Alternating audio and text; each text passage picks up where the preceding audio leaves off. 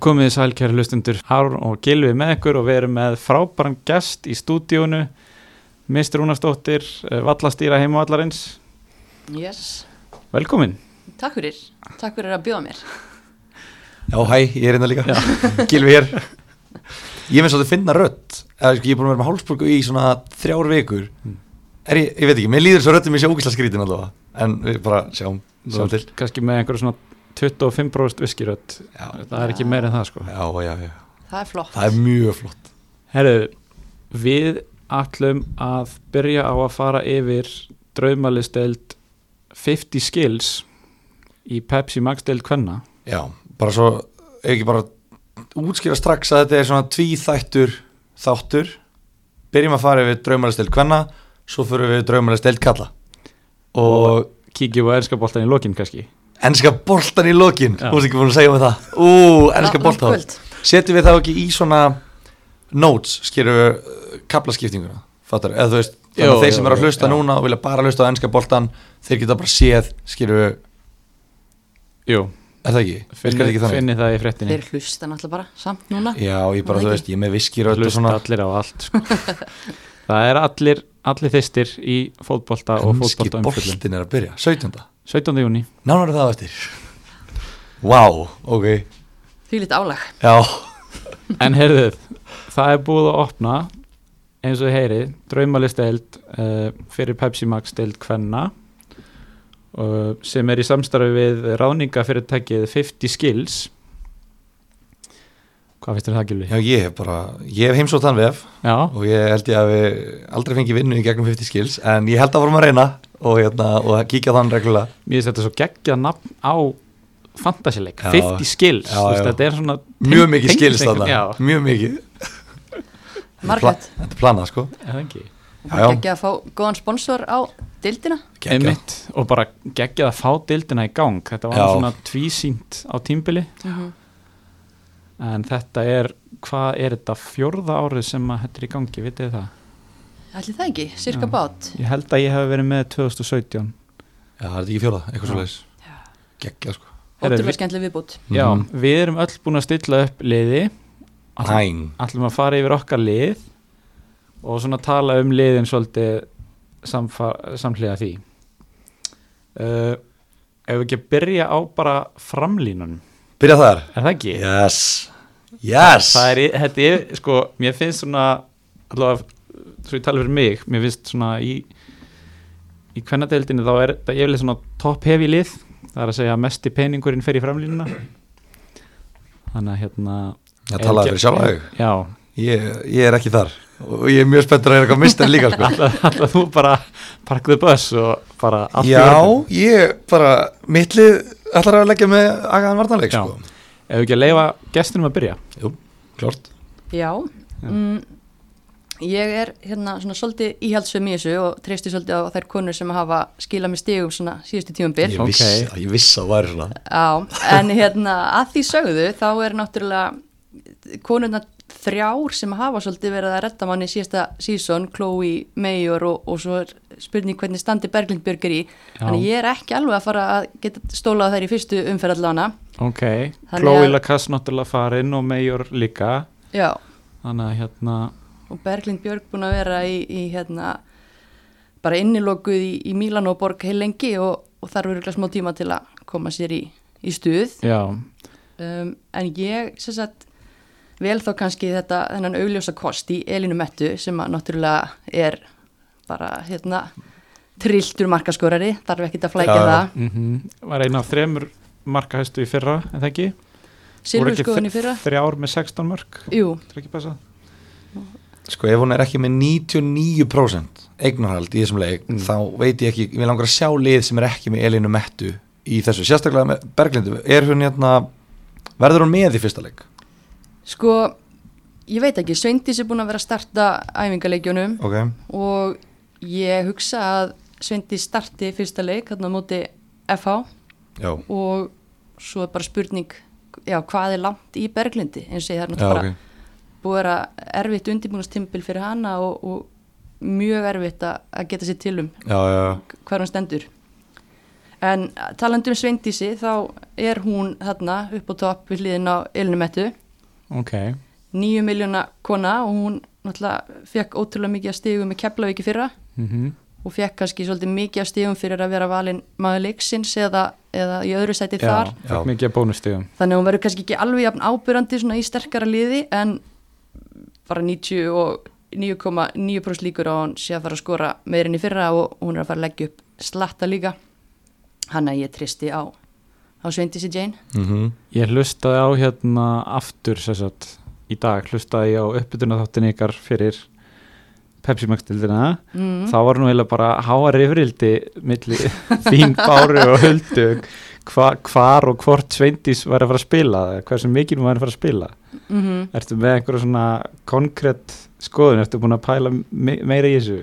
Ég hef búin að pæla bara mjög mikið í þessu en, en þetta er svo óvist einmitt út af standinu á Berglindi. Mhm. það eru fleiri meðsli í blíkaliðinu þannig að kannski hefur Bára bara rétt fyrir sér og það eru báðar að fara að starta upp á topp. Kemur óvart en ég held að Sveindi sé alltaf að fara að starta sem fyrsta leik og við kannski svona lesum bara í aðstæður út frá því. Ok, svona ef við erum að taka fantasy pælingun á þetta Þetta. er svo mikil reynsla að tala þetta sko. Vá. En hérna með þessum tveimur konum upp á topp, ég ætla að hafa þrjár fram í því sóknu besta vörnin, en það ekki? Mhm, Nei. jú, jú. Vörnunni titla En það er leikmaður sem að hefur verið sko að gjafa prís síðustu tvö tímabil og sótt fullt af stigum. Hún heitir Karin Marja Sigurgestóttir, er leikmaður Þórs Káa, 5,5 millur, U19 leikmaður og er að fara að vera í stærra hlutverki hjá Þór Káa en undan fyrir sumur. Hún getur bæði skorað, lagt upp og hérna svona skemmtilegu leikmaður, þannig kannski hérna heillar hún einhverja sem er að- að gefa henni bónustig. Mm, en eins og Káa er náttúrulega dálítið stórt spurningamerki fyrir sumarið hún er að missa rosalega mikið þannig að þetta er svolítið gampl en hún er búin að delivera síðustu tvö sumur þannig að Já, já ég, ég treysti á hana í, áfram í, í sumar Verður hún fremst? Er hún ekki búin að vera á kantinum Jú, hún síðustu tímabil? jú, eða svona náttúrulega Sandra Meyer er búin að eiga þessa fremstu Já, ég pæla stöðu það eða Hulda Ósk. Hulda Ósk, Hún var 5.5 líka sko í Já. Þór. Ég var að mynda að pæli sko hvora ef ég myndi taka, mm. hvora ég myndi velja ég svona, var ekki alveg við sko. Nei, en báðar séu solid kostur, uh, það getur vel verið að Margrét Árnandóttir er þið fremst og Karin Marja í einhverjum af þessum fremstu þremur. Já, já. En hún er mjög svona lungin og klók og hvort sem verður á kanti eða, eða hérna, innar á vellinum þá held ég hún sé alltaf að fara að setja ykkur mörg fyrir þær verður svona key í þeirra sóknuleik Já, svo er bara spurning hvort að þetta smetli hjá norðankonum já Maður veit ekki neitt, sko. Nei, nákvæmlega, það er bara Vá, maður, það getur verið bara frá Hvað, fjóra, nei þið spáðum í sjönda sæti ef ég mann rétt já, og margir spáðum bara falli já, Ég held að svona 5. til 9. sé raunhæft Já. fyrir þær, myndi ég já segja. Ég held að fymtasæti væri bara stert fyrir þær sko. En eins og segi, það er náttúrulega alltaf erfitt að fara norður. Þær eru með nokkra reynslu mikla, mikla leikmenn en það er að fá erlenda leikmenn inn. Mhm. ef að þær eru þrjusu góðar þá er aldrei að vita. En þetta er svona X-faktor tímabil hjá þeim. Já, algjörlega, Gilvi, vilt þú taka þína samfélaginu næst? um, já, hún er mjög einföld. Ég er með Elinu Mettu Mm. fremst uh, Svo er ég með fremst, Hún er fremst. spilur hún framar en henni hún, er, hún er fremst. Hún er hérna Já, já, já, þú veist, hún myndi gera það. Já, Og bara, já, eins og, eins og að tala um aðan, bara seg, gæti ekki sagt sem er að sjálf mm. uh, Ég veit ekki alveg Ég þarf, sko, ég þarf að leggja staðins betur yfir káarliðið. Því að hérna margir mjög spennandi fantasileik með þar Mhm, en ég er með Katrínu Áspjörs eins og er á sjö mhm. og ég verð að viðkynna það að ég veit ekki einu sinni hvort hún sé að fara að spila neitt eða ekki og ég er að vona að þið ætlið að fylla mig inn í, fylla inn í eðunda þar hver er staðan á henni? Ég held hún sé bara good to go eða þú veist, hún er að, fara að starta í þessu liði Já, því hún er á 7 miljónir og hún er frammi Mhm.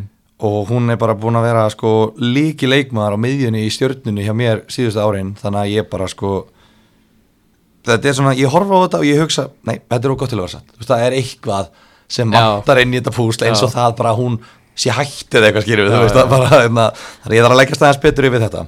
Og hérna þú veist, Katrín Ómars er skráð sem framherji og Kristín Erna er skráð sem miðjumæður ég er svona já, ég ætla, ég ætla að segja þetta með fyrirvara Mhm. en ég ætla að leggja stæðs betur í þetta. Ef Katrín Ásbjörns er að spila fremst hjá KR Mhm. á 7 miljónir vítaskitta þá er hún ekki að fara neitt sko. Þá er þetta no-brainer. Já, bara 7 miljónir ég er bara, ég er 28 mörg í síðustu 43 deildaríkjum í Pepsi. Já, ég er bara stekka á þetta.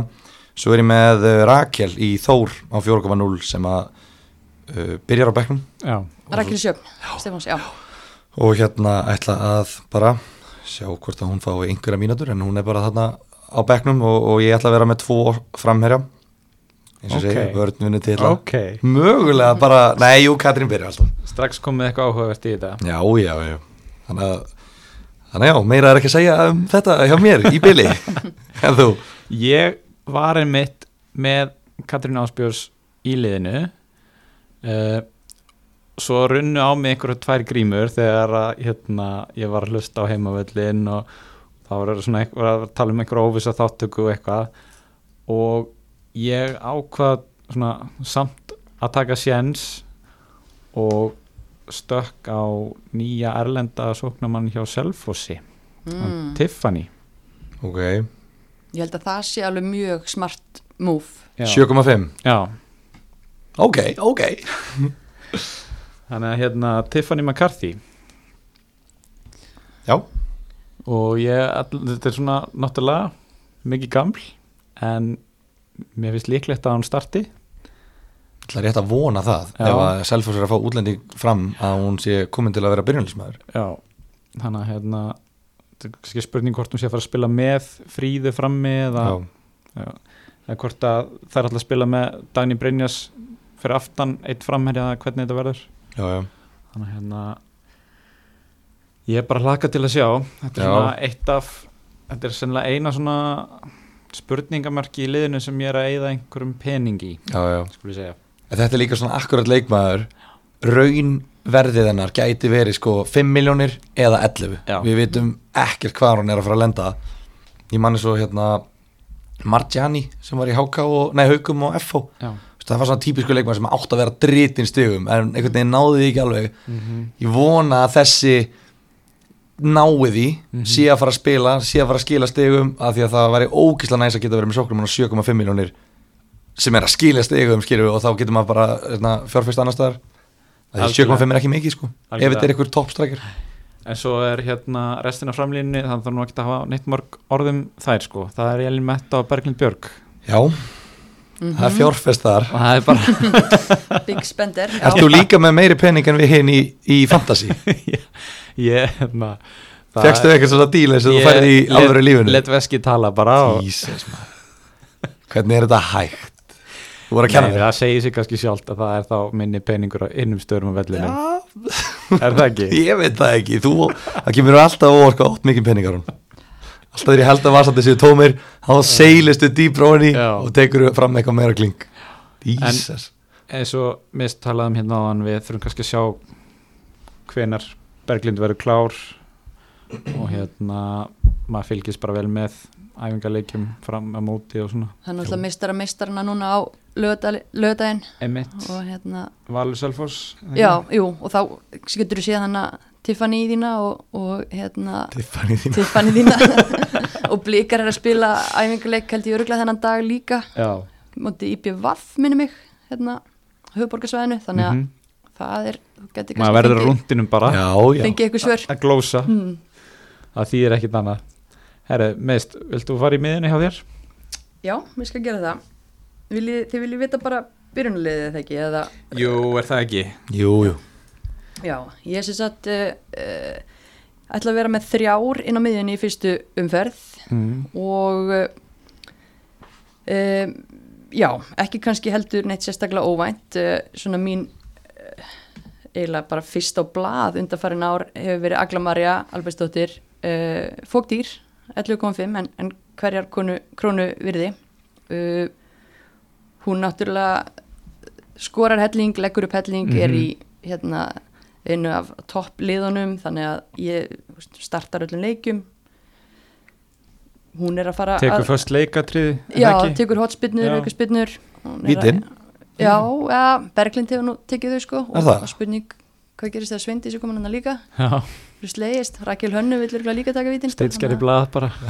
Skerpa stein en hérna já, þú veist, og svo er hún líka bara svo mikil skemmtikraftur að, að mér veist hún alveg svona kandidat í að fá Já. man of the match hérna stíin nokkru sinnum sko, þannig að hún er þarna og með henni er, er líka bara svolítið að ég vil halda safe bet. Uh, Hlín Eiríksdóttir sem átti náttúrulega bara gegja sumar í fyrra og hérna ég held hún verði bara á svipuðu róli í, í sumar leggur upp skorar Já, stelur svolítið seinunni þannig að treysta þær. Og svo er ég svona aðeins að melta hvort startar í, í fyrstu umferð. Ég einhvern veginn hef á tilfinninguna Ástís Karin Halldórsdóttir sé að fara að, að byrja leik á val á móti K.R. í fyrstu umferð það er ekki alveg, alveg víst maður er ekki alveg búin að sjá hvernig þeir ætla að stilla upp sínum fyrstu 11 en hún hefur verið góð á móti sínum gömlu félögum og hérna, ég hef einhverja tilfinningu fyrir því að hún verði geggjuð í þessari fyrstu umferð.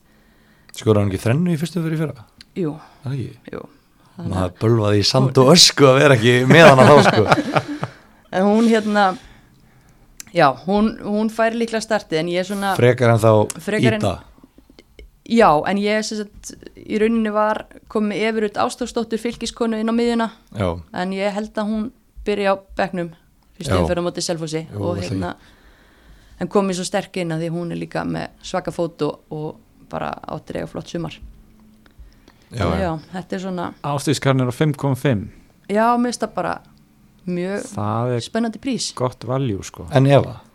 5,5 líka. Og er svo restin bara fjóra miljóna miðjumenn á bekknum Uh, já, það er hún litlasýstirinnar yfirutar, Sara Dögg Ástóðsdóttir, Já. fjóra miljón krona mjög ungu leikmæri fylki. Ég get alveg trú að hann sé að fara að taka einhverja mínútur. En ég hef valið að eða, meiri í byrjunarlið Vá, hvað lítið í já. Lítið fjárfest í miðjunni. Ég Wow meina, þetta er geggjum miðja. Já, góð miðja, en bara ódýr. Já, bara ég Geðvikt spartnaráð bara, Já, já, já Við erum, við erum eitt spender og eitt saver hérna í settinu. Íhaldsum og, og hérna svona. Heldur fastu hverja krónu. Er Ertu með 10 miljónir afgangs? Nei, endar ekki. Ég ætla að spara þetta. Já, eigið inni Já, já, ég Ok. ætla að stinni maður. Er það get ég? Já, það ekki Herri, ég er með Öglumarju líka Já, já. og hún já, hún og Elín Metta eru, eru eiginlega tvær sem að munu aldrei yfirgefa liðum mitt sko, þó það er fótbrotni þá verða það örgulega ennþá hjá mér sko. uh, með henni er ég með ég, sko, ég var með hlín í liðinu þegar ég kom inga inn. En nú byrja þetta rugg sko, en ég er búinn að sko Dagný Brynjars er komin í liðið mitt núna. Ok. Á kostna hlínar á kostnarlínar já. En ég veit ekki sko ég er að pæli að býða með Dagný sko og bara leif henni að skora eitt mark Já. áður en ég tek hana inn sko. Hafa bara hlín af því hún er, Mhm. hún er svona ég veit ekki, byrjaði hún ekki svolítið hægt í fyrra eða? Er það Nei, hún, hún byrjaði eiginlega kannski Bara- hægt í hitt í fyrra. Hitt í fyrra já. Var ekki þverögt Byrjaði hún ekki bara Jú, ég er að rögla áramildi hún var eiginlega bara on fire allt síðasta sumar. Það var Já. svolítið bara sumar, þetta var náttúrulega sumar valskvenna en, Já, en já, já. hérna Jú, það hefur verið hitt í fyrra þá. Ég Ég, ég hef einhvern tíman haft hana og verið að vera að missa þólum hana og mist þólum hana og selt hana og þá fór hann að skora þrenni í hverjum leik sko. ég nenni því ekki aftur en ég, ó, ég veit ekki, jú ég hef hann örgla uh, þannig ég er Agla, Dagný Skástri Klín svo er ég með hérna, Agla Marja sorry, Agla Marja, eða þú ert að lista. Karolína Lea á sjö í breðablik mér skilst að hún eigi að byrja inn á og á 7 miljónir sem miðjumæður, hún var alltaf sóknumæður í fyrra í fantasíinu, þannig að ef hún er miðjumæður núna á 7, þú veist, hann- hún var að skora í fyrra stig og hann að mér finnst þetta bara, veist 7 miljónir fyrir sókna sinna leikmenn í blikum, ef hún er að byrja alla leiki þá er þetta bara nóbreyni fyrir mér. Og svo er ég með Stefáni Ragnarstóttur í fylki á 6 sem er hérna framalega á miðjunni á fylki. Ok. Og hún er bara svona ég var alltaf rosalega hrifin af henni í vala því hún var svona potið inn mörgum, hún kom inn á og skoraði eitt eða tvö svona og var svona skemmtilegu fantasyspilari Ok. uh, hún hefur eiginlega ekki tækkaði verði, ég heldur hún að kosta 5 eða 5,5 kostaði 5 þá það var, hann- það var bestu kaupin það Já, já, sko. var svona laumi, var svona Ryan Fraser hérna, í, í, í kannaboltanum þá sko, þannig að hún svona hérna, já, er bara ennþá að sex í fylki og fylki verður með stertlið í sumar þannig að mér svona ætla að vera með hana. Ok. og þannig að ég með, já, þessar fjórar á miðinni Ég er að stilla upp í þryggja kvenna miðju og er með Karolínu Leu, Hlín Eiríks og eins og er allavega er ég með ídu með þeim á miðjunni. Já, En ég er náttúrulega að taka ákveðin sjens á að hún byrji.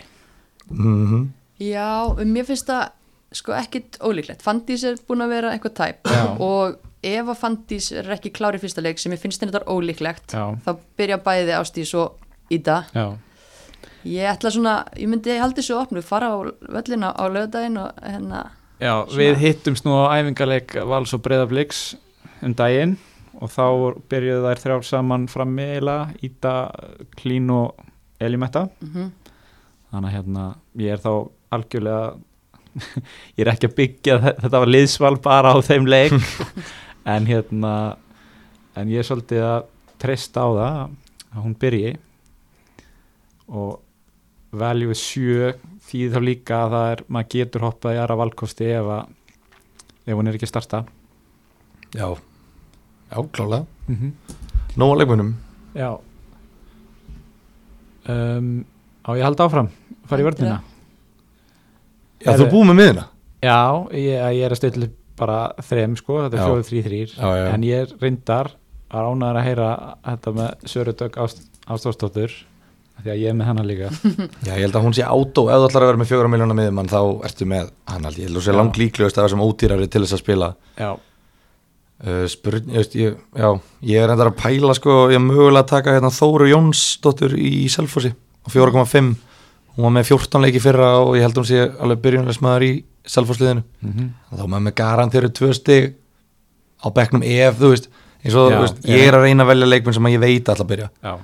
Um, ætla að byrja þannig ætla allir leikminn að byrja sem að munu byrja þú veist, þannig að ég, hérna, það er alveg spurning að hafa Þóru kannski fyrsta varamann þú veist, eins og þú ert með ítu, Já. kannski byrjar hún ekki. Já, já. þá væri fínt að hafa tvö garantiru stig til að koma inn sko. Mm mögulega þrjú að því self og seldu svo oft reynu Sara er með tæplega 9% eignarlautvöll þannig að það er greinilegt að fólk er vakandi gagvart þessum valmöðuleika gladvakandi sko. já, vörnin. Já, ú, ég var ekki búin að sjá vörnina. Ef við ekki bara halda áfram með hringin jú, Þannig að mist, þú tekur vörnina þína? Já, heyrðu, það eru, það er fjóra kvenna lína þar Mhm. um, og um, ég er með nýliða í dildinni í, í bakverðastöðinni, það er Hafrún Rækjel Haldursdóttir uh, nýliði í liði Blika mun starta þar í bakverði. Um, hún er, hún spilaði kant í fyrra í fyrstu dildinni, afturöldningu, hún er sóknarsinnuð, Ok, hefur verið að spila bakur með eins og U19 landsliðin og svona, þannig að hann hægraði vinstri? Sko hún ætti að vera hægri en hún er búin að vera að spila vinstri núna og Áslu Munda er búin að vera meitt Já, en ég held hún verði hægri að því ástæðir er ófrísk og verður ekki með í sumar. Mm hún leysi hana af. Og ég held að hún er eftir að blómstra svolítið í þessum sóknarleik blika, um að við vitum þetta er náttúrulega óbúslega sóknar sinna lið og margi flinki leikmenn hún á eftir að leggja upp slatta og náttúrulega blikar er ekki að fara að fá þessi mörg mörg þannig að ég held að hún er á 5 já, mér finnst það bara of gott til að Já, sleppa því sko. Ansi gott pick. Já, þú getur verið með, með varnamann í breyðarbleik sem fer aldrei yfir miðjulínuna en þú verður að hafa hann. Byrjunar sem er á 5 miljónir í breyðarbleik er bara rugg, þetta er bara þetta er, þetta, þetta er svona dæmi sem er of gott til að vera satt líka. Erum við að setja að tala um það að við erum öll þrjú með hana í okkur liði? Já, bara, sko og, þú veist, þetta er svona sama, skilju ef það er einhver sem er að hlusta á þetta og ætlar ekki að vera með hafrúnu í hérna í Li- liðinu sínu. liðinu sínu bara, þú veist, það, þetta er bara glórulust þetta, þetta er bara valjúið er svo mikið að það bara við, það verð, maður verður að hafa hana. Það er ekki hægt að segja nei við því. Ok, algjörlega. Og svo er það annar leikmaður sem að hérna, ég get alveg trúa að ég væri báðið með líka. Uh, Barbara Sól uh, þú ekki með það? það er allir með barburu líka. Já, já, já Mál er að hún er hérna, náttúrulega sóktjarfi bakur eins og við þekkjum frá því fyrra. Já, já. en hún getur líka að vippa sér upp á kant. Og núna sér maður að, að ég er ekki búin að sjá Selfos spila á undirbúinstímbilinu en þær eru búin að fá til sín já, nokkra nýja leikmenn og annað. Og það voru jafnir eitthvað pælinga með hvort hún væri hreinlega að fara að spila kant eða eitthvað framar. Þannig að, að ef að svo Halló, er halló. þá, Já, þá er það ding, ding, ding. En, en hvort sem hún verður hérna já, spilar sem hérna, bakurður eða, eða framar þá er hún alltaf að fara að gefa stíg og hún var flott í þessu í fyrra og verður bara í betra liði í sumar þannig að nokkuð solid á, á 6 millur. Mér fannst bara, mér fannst Selfoss eiginlega ekki skora á þess að hún kemi nálat markinu annarkvært að skora það sjálf eða að leggja upp. Þetta var bara fárlegt algjörlega og ég, eins og þið voru að nefna en mér selfhúslið er alltaf mjög solid til, tilbaka þannig að þetta er eitt besta varnarlið í dildinni, fengur bara á sig hvað 17 mörki fyrra já. og verða betri í ár held ég. Náttúrulega Anna Björk komin hana Já, mm styrkilegir mikið.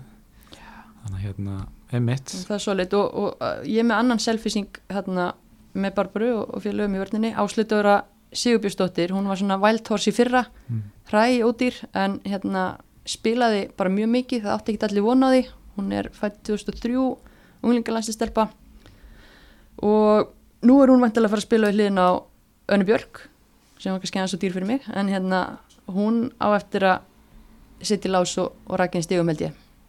Hún er á 5 já. Hvað með Brynju Valgis Uh, já, hún er líka option en mér hefur svona heyrst eins og sé líklega að áslutur að sjö undan í, í gókunaröðinni Það er svoleiðis. Án þess að ég hafi séð já. úrstilbylunu þannig að við erum að eila, sjá hvað gerist á lögadaginn Já, en, en eins og segi ég var líka með Brynjuliðin í fyrra. Já, og já hún var rosalega fyrra sko. Ég var að, var að pæli að vera með hann sko eða önnumarju sko. Brynja, vá, það væri, ok, spes ef það verði þannig. En, en minn maður Alfred, hann, hann veit hann veit alveg hvað hann er að gera. he knows. Djúvillan á flottum maður. Já, uh, með þessum, já, unglingalandslis konum er ein aðeins eldri sem að reyndar að var landsliskona núna í byrjun árs, hún heitir Berg, Berglindur Rós Ágústóttir, fyrirlið Fylkis. Yeah, hún er svona fylgir man of the match típa, náttúrulega bara frábær leikmaður og ég er bara svolítið að trista á að, að Fylkis standundir væntingum og, og hérna haldi Eh, hreinu og hún haldi takki hreinu. bónusteg og svona. Akkurat og jafnvel að hún myndi panna nokkra inn úr föstum leikatrið, það myndi ekki skemma, getur það alveg já, er það samt það, var hann að skora eitthvað í fyrra? Nei, en þú veist, hún getur alveg. Nú er tíminn. Já, já, Nei, nei, hún, hún fær, fær tröstið hérna. Ég hef reyndar ekki verið með hann áður í, í mínu liði, þannig að ég svo sem var ekkert að kíkja á hvernig stíðin hennar voru í fyrra en, en ég hef einhvern veginn góða tilfinningu fyrir þessu. já, hún alltaf sko hún er svona sama á Aglamari ef hún er, nei, ef, að, þú veist, ef fylgir heldur hreinu til dæmis, þá er hún maður leiksins, ég heldur hún að vera miðjumæður að skráðu miðjumæður í fyrra, Já, en hún var bara að hún var svo, ó, hún er svo ógeðslega góð. Hún, er, hún vinnur svo marga bolta, hún er svo bara góðu varnamæður, en það er hún komin í Hafsand núna, komin í landsliði en hérna já þannig að ef að fylgir heldur hreinu þá voru hún með garantöru þrjú bónustugi viðbót eiginlega í bara hverjum einasta leik held ég sko. Mögulega, ég held þannig, já, fyrir 5,5 og svolítið kannski líka að tæma kvotan af, af völsurum blikum og, og selfisingum, þannig að, að fylgir næsta liðin, sko. já, nákvæmlega Mm. Uh, já, þetta eru mínar fjórar. Já, já, ég held að þetta sé bara eiginlega samanlega ég sko En saman verð, ég er með, ég er með Hafrúnu og við erum búin að tala um hana uh, Við erum með, búin að tala um Barbaru, ég er með hana Ég er með Berglindi Mhm. og ég er með uh, Elísu Viðars Mhm. á 6 Ég veit ekki Hallbera á 7 miljónir Hún er líka svona típa sem að bara, þú veist Ekki það að mér finnast hún alltaf vegið að skili En hún fær rosalega mikið að bónustugum í lok leikja hjá, hjá val sem það er vinna bara fyrir að eina stóðsendingu eða eitthvað skilju um, en hérna, ég er að pæla hvort mér finnist að vera worth it að því hún var svolítið að stinga mig baki í lok setni tímafils í, í fyrra, setni hlutans í fyrra. Þannig að, en ég með Elísu eins og er og bara finnst það eiginlega krúsjál að vera með varnamann í val og breyðablika því að þessi lið eru yfirleitt að halda reynum fekk ekki valur á sig fæst mörg í fyrra? Jú, 12. skoruðu mest og fengi á sig fæst. Já. valur 12, breyðablik 15 og Selfoss 17 held ég. Ég held að það sé rétt Þú veist, ég, ég var ekki búin að gera mig grein fyrir því að Selfoss var svona nálagt hinum tveimur sko, í að fá þessi mörg það fylki var með 30 okkar mörg á sig í fyrra. En svo er það búin að fá þessi eitt mark í öllu undirbúrstíðumbulinu allt reykjaugumótið og lengjubíkarnir sjö leikir held ég þar að vill ykkur á móti val. Og valur eina liði sem er búið að skora á fylki. Það eru svo ógeðslega vel drillaðar það er svo gaman að vera fylgismæður að sjá þetta bara á æfingar, maður er bara, þú veist vákandi góð þjálfun sem það er að fá. Já. bara Kjartan og, og Siggi og, og allir hérna sem eru í, í teiminu. Þannig að hérna, ég held að verði drullu vel drillaða núna. Og ég held að muni halda hreinu já, bara með, með Sessu og, og Berglindi hérna og fengur náttúrulega geggja viðbót úr Keflavík, Tvíburöndi, Já, Íris og. Katla. Katla var stórkostleg á Reykjavíkmótinu og þetta litla sem mann náða að sjá í vetur. Algjörlega sko. Og Þannig bara eiginlega eiginlega bara full mannaðar sko. Mhm. og hérna já, ég, ég, bara, ég er fárálega spenntur að sjá fylgi líka. Selfoss sem er aðeins erfiðara prógram fyrst mér í byrjun, mér finnst fyrstu 5-6 leikinnir að fylgi vera sko miklu betri heldur en hjá Selfossi, ég var með Barburu og Önnumarju held ég, en ég breytti síðan og tók Berglindi inn út af því að ég held að fylgi muni aldrei hreinu ofta heldur en Selfoss í svona fyrstu 5-6 leikjunum. Þannig að já, þannig að ég er með þessar fjórar og svo er ég með svo er ég með Örnu Dís úr stjörnunni á, Já. á 5 og ég verða að viðkynna það ég hef eiginlega ekkert val um það. Er einhver sérstök ástæða? Já, þú veist, ég hérna ég fór í sleiku henni gær þannig, nei, þetta er- alltaf kærasta mín. Þannig að ég hef eiginlega ekki val um það. Nei. en hún er satt á hún er á 5 miljónir í stjörnunni. Stjarnan náttúrulega sko skoraði næst, næst fæst mörki fyrir gáttu bara ekki skorað markarna í júli eða eitthvað til þess að bjarga lífi sinu, voru ekkert eðlilega lélega fram á við. Og ég bara svona ég sé ekki bætinguna fram á við í stjörnunni. Ég, ég sé ekki hver á að skora mörkin fyrir stjörnuna Mm. verð bara viðkynna það þú veist, og nú er ég bara að tala sem, sem hlutlaus fantasi sérfræðingur um það, ekki sem einhver kærasti. En ég er bara svona, já, ég áttum ekki alveg á því hvaðar mörkinu er að koma. Og þar alveg þetta held ég að þetta verður bara eins og í fyrra það mun ekki geta skorað. Og þær þurfum bara að rífa sig aðeins í gang í vördinni með, með hérna já, bara ung, unglið sko. Kannski sterkari miðja núna komin í stjórnunni þannig að ég, er svona, ég er að vona að það geti bundið saman varnarleikin betur þannig að hún, hún á eftir að laumin einu, hún á líka ennþá eftir að skora síðan við byrjuðum saman. Þannig að, þannig að ég reikna með að það hérna, eða, ég, jú, ég held að þannig að ég reikna með að, að markið komi núna bara strax í fyrstu umferð á móti Þórkáa já, ég var með hana í FH fyrir nokkrum árum og það var alveg að gefa sko. Já, Þannig að þetta ég bara mæla alveg með þessu sko. Já, já, hún er hún er seg, Gott sjátt sér satt já, fylgjast með henni í sumar. Líka fyrir hlutlösa svo erum bara svo ógeðslega falleg líka bara gaman að fara að leikja með henni sko Þetta er ekki Því? Ha, samanlega, Já, ég bara get Já. alveg kvittaði upp á þetta allt. Hann er sko Þá þarf ekki langa tíma til að fara í vörðin hjá mér. Ég er með Hárun Rakel, Barbaru Ég, ég er að svolítið að tippa á önnu Kate. Mm, Hvað segið þið um það? hreinskili mat, Já, galið. Ok Sko, hún er alltaf að fara að starta í káliðinu Já, og það er alveg líka smá möguleiki að hún muni spila inn á miðjunni hjá þeim. Þannig að, að hérna en þú veist, ég veit ekki með þú veist, hvernig ertu að horfa að stiga söfnunum, ertu að horfa á hana sem eh, svona já, náttúrulega Þú veist að það er haldið þá reynu Svona öð- öðru hverju Og að hún seti fjögumörk ekki Ég- minna. Nei, ég byggi það á því að, að hérna, hún er búin að skora fjögum mörg og held í síðustu fjórum Íslasmótum sem hún er búin að spila. Og komur gröð. Er hún ekki eini leikmaðurinn sem er í áskrift að einu heimskulu rauðu spjaldi á hverju tíðanbili eftir að eftir að Rudd Kristjáns hætti í Pepsi er hún þá ekki eini leikmaður sem er eftir sem er svona að tóki hár og taka eitthvað trilling Jó, að nættum sé ekki vaksin upp úr því ég man að- að haldi það í fyrra líka eða ekki, ég heitti fyrra, eða þú veist ég bara spyr, bara spyr svo sem ekki veit ok, þannig að ég á að setja pening, peningi minn eitthvað annað Já, þú veist, fyrir 5,5 miljónir Nú ætla ég bara að vera alveg hreinskilin að því þú ert vinur minn Aron. Já. Fyrir 5,5 miljónir skil ég ekki fyrir mitt litla líf að líta fram hjá Selfossi, fylki ég meina breyðablик er, hvað kostar vartamennir í breyðablik? Kristín Dís, er hún ekki á 6? hún er á sex Þú veist, það er heimin og haf fantasílega séð á Kristínu Dís og Önu Kate til dæmis en þá ertu reynda búin að fylla upp það er heimin og haf fantasílega á móti hérna, Berglindi í fylki og Önu Kate. Þannig að ég ég á fyrst þú spyrð já, þá kem ég með skoðun, mína skoðun. Ég á hálfan í bankanum þannig að ég get breytt.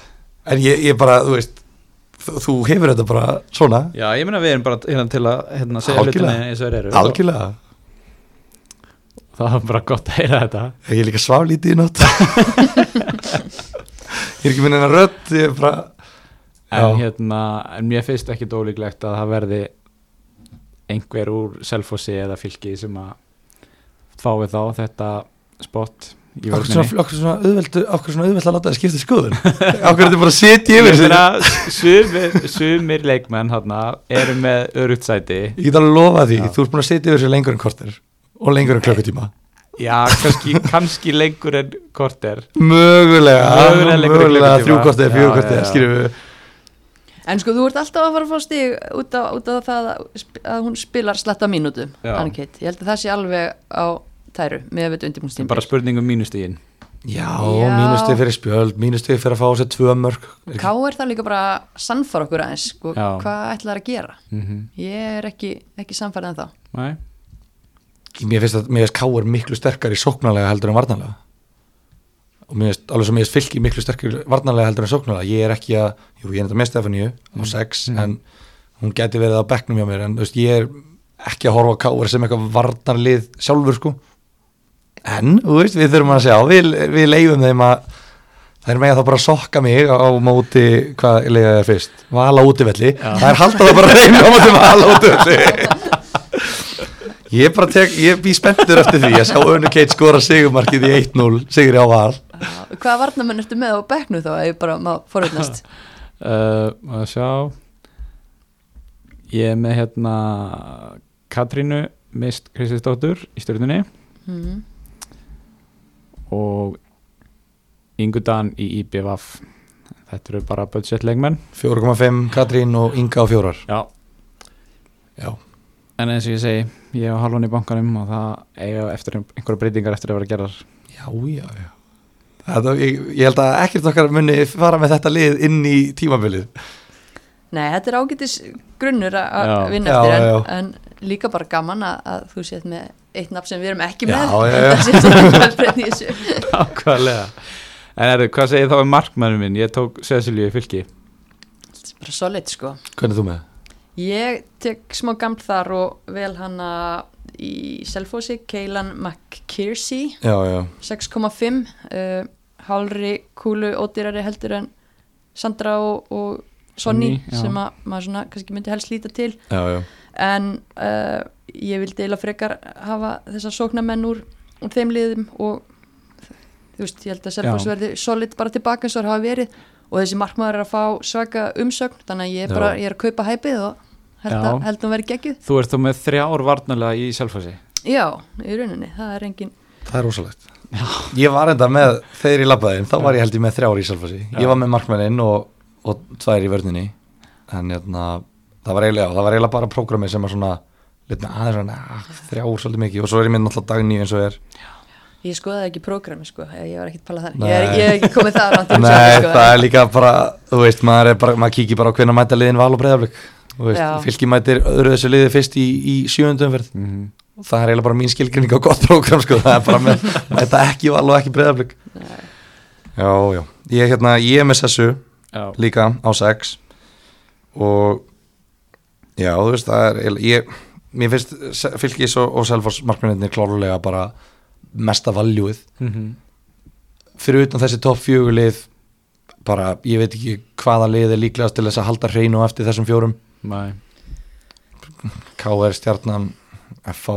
þú veist, ég, Þór K.A. ég veit það ekki Þór K.A. með allt og dýran markmann miða við hópin þeirra þó markmann er séruglega flottur hérna, ég veit ekki eins og hvað og við vitum ekki alveg hvaða markmaður er að fara að spila hjá Þór Káa eða hvað Nei uh, Andri Hjörvar nýr í viðtali fyrir vetur að Harpa myndi fá trösti sem aðalmarkmaður en síðan urðu áhugaverð félagskipti núna ekki fyrir svo, stu, ekki fyrir svo löngu fyrir stutu að hérna, hún Lauren Amy Allen sem var í markinu hjá Tindastóli fyrra, hún er búin að skipta yfir og maður er svona veltaði fyrir sér hvort að Harpa síðan þá nummer eitt hvort að Lauren sé fengið til að vera nummer eitt eða hvort það er bara reynilega slást um þetta mm -hmm. þetta er svona dölafullt eitt, eitt af þessum hérna, dölafullu málum svona.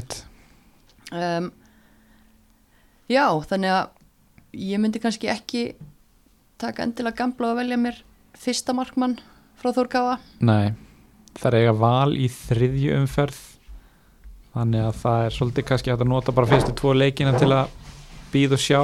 Mm Já, stjörnuna í fyrstu umferð og svo IBVF það er náttúrulega er, Við notum bara fyrstu átján leikina til að býða og sjá og þó, við erum, ég get, þó, ég- þó ég get sagt þér núna að fjóra miljón krónar markmaður sem var að byrja í Þórkáa ég myndi ekki kaupa hann sko. Ég, bara, ég ætla gjörsamlega að láta þetta Þórkáa lið varnarlega eiga sig. Mögulega Karin Maria Hulda Ósk ef að önnur þeirra ætlar að gera eitthvað sko. Mm en ég er bara já, allavega hvað kostar hinn? 5,5 þannig að Amy, Já, ég veit ekki hvað hann kostar en hún er Loren. Eitthvað svipað og, og harpa. Ég held 5,5 sko þannig að Þeir eru 6, sex. já, já, Já, blessaður nei, það er eiginlega off. Sama á Cecilia Nei. Nei já það var hún tölvört örgari kostur. Já, bara glemt þessu. Já. Glemt þessu, næsta mál. Hefði, þá erum við búin að kofera liðin okkar uh, og Gilvi, þú varst með einhverja punta hérna sem þú vildi fara yfir Já. Ég á með eitthvað nokkra, nokkra, nokkra punkta að þetta skrifa það niður. Já. En það var svona helst var það uh, Alexandra og Rakel Hönnum sem að sem að var verið að pæli í að því að ekkert okkar er með þær, tvær og Alexandra náttúrulega var að var að skemmtilegu fantasileikmaður hún, svona, hún skorar skemmtileg fantasi stig finnst mér sko. Mhm. og hérna en hún kostar 10 miljonir, Rakel Honnu náttúrulega á nýju var í hólunni hjá breyðarblik áður en hún fór út síðast og, og hérna og líka skemmtilegur fantasileikmaður sem getur skorað bara fullt af stigum þannig að en við erum ekki með þær. Nei, ástæðan fyrir því að ég slefti þeim alveg er að þær eru búin að vera tæpar og, og meittar núna á undirbúinstímbilinu og það er náttúrulega bara ótrúlega mikið af öðrum blikum sem að ég veit að muni delivera og er kannski minna spurningamerki með en hérna ef þær eru heilar þá er þær klárlega góðir, góðir kostir. En ég myndi aðeins býða og sjá. Býðu sjá, skynnseminn býðu sjá Já, gamli skólin, konservatív. Við erum svolítið að tippa á þá að, að þrjár fremstu hjá breyðabliki verði þá í fyrsta leik eh, Karolína Lea, Sveindís og Agla Maria Ég myndi halda að þessar sé alveg solid starterar. Já, hvort að Berglind lögmi sér hérna með ég efast um það í fyrsta leik. Uh, Alexandra mér finnst alveg ekkit ólíklegt að hún starti en ég er ekkit vissum að hún síðan til að fara að taka heilan leik eða eitthvað, eitthvað svoleiðis. En ég hef ekki hugmynd með Rakel ég hef ekkit, ekkit síðana Nei, bara svo 100% eftir að enda á að vælkarta sko eftir fyrstu umferð. Þetta á eftir að, Berglind á eftir að byrja að skora þrjú mörg og veist, þetta verður eitthvað svona kjaftaði alltaf svo mikið leyndi yfir öll að við vill ekki segja neitt, Þetta er svo sko. pirrandi. Og hvað er langt í þér? Smá, Já, já, já. og hérna, svo hefur við náttúrulega aldrei séð eins lítið af liðunum á undirbúinnstímbilum og og núna. Þannig að þú veist, maður er ég meina, það er bara, þú veist, hundruð manna að mæta á æfingaleiki bara til að allir svo þýstir í fótbolta sko, Mhm. Náttúrulega að reyna að komast að einhverju líka um þessi lið. Já, sem maður geta aðeins stilt upp. En hérna, hvað segir mér um uh, ódýra leikmenn? Svona einhverja demanta sem er að fara að spila. 4 miljónir, 4,5 kannski. Já. eitthvað svona sem að að taka almenni leikmaður veit ekki alveg af. Sóknarlega þá finnst mér þessar tværi Þór Káa sem mist var að tala um. Mm -hmm. Plus ég ætla að bæta við líka Bryndísi Örnu í fylki. Já, sammála. Á 5,5 miljónir Hún er hérna bara líklega til að byrja sem fremsti maður hjá þeim þannig að hérna ég myndi bæta henni við. Hún er, hún er þá bara, hún er 2003 mótar held ég, þannig að hún er fáranlega ung ennþá. Og hérna já bara, ég, ég er spenntur að sjá. Ég veit ekki hvort hún sé að fara dritin mörgum eða hvort hún sé meira bara svona að fara að vera þú veist, hún er svona getur bara að fengi boltan og, og snýr kannski meira baki í markið heldur en, heldur en andlitinu sko. Mm Þannig að það er kannski aðrar að fara að skora og, og ég sé fylki ekkert endilega þó það séu búin að valdi við liðin á undirbúinustímabilinu bara 3-4-0 sigrar bara hægri vinstri þá finnst mér einhvern veginn eins og deildin geti orðið aðeins meira af 1-0 sigrum hjá fylki og eins og Selfors gjör svona master að því í fyrra voru 1-0 sigrarnir. Mér líður svona eins og fylki gæti farið í, í svipaðan pakka en hérna og sérstaklega núna þegar þetta er svona kannski þú veist COVID áhrifin og, og allt þetta já, já, það er náttúrulega ekki ólíklegt að, að liðin fari svolítið hægt af stað og, og þurfi svolítið að finna taktin uh, hvernig er það? Er búið að samþykja að vera með fimm skiptingar? Já, maður ekki, Ég held það allt Ísland Já. í sumar og það er náttúrulega þýðir það að það eru væntalega fleiri leikmenn að fara að spila Mhm. Já, og að sögum að skapi byrjunlis fólki að fara mögulega að spila minna. Mm að hérna, þetta hefur áhrif á fantasy sem að við hefum ekki þurft að pælja áður. Nei, algjörlega. Mhm.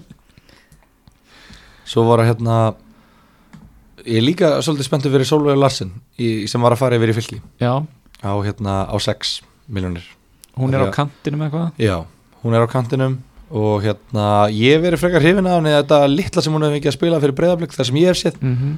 Mér var svona að koma inn á laum, svona skemmtilega mörk bara svona klínan upp í vingilin mörk. Já, Já, Sem hún að- getur þetta alveg 100% Já. sko, og ég held hún fytti vel inn í þetta fylgislið, þetta er þetta er náttúrulega orðið kortnúmt, þetta er tvítugt byrjunarlið fyrir utan hérna Berglindi sko og, algjörlega. og þekkir þess að stelpu vel úr unglingalandsliðanum og svona, þetta er bara spennandi blanda að vera til hana sérstaklega þegar að Marja er náttúrulega meitt hjá hérna Marja Rato Ratojivits, ég kann ekki setja namnið en hérna, eftir þegar hún er núna, núna frá, þá náttúrulega mun, mun Solveig vantalega að byrja hérna vinstra megin. Mm og, og mögulega kött eitthvað inn í, í hlaupin í eitthvað svæði eða eitthvað, ég veit það ekki, veit ekki þekki ekki alveg hversu hröð hún er. En hérna, Solveig, Nei, Já. hún er eldfljótt sko. Já, ok. En við þurfum að hérna þetta er svona, þú veist, þetta er svona ódýru sóknamenn sem ég er að horfa á sem ég er að fara að spila. Ég hef ekki fundið neitt fjögra en ég veit það ekki. Miðjumennir þar er ég náttúrulega með Þóru Jóns. Hún verður svona, hún getur verið minn lundstraf í sumar. 4,5 hún að potin einu eða tveimur. Í Selfossi. Já og hérna uh, Sara í, í fylki á fjórar.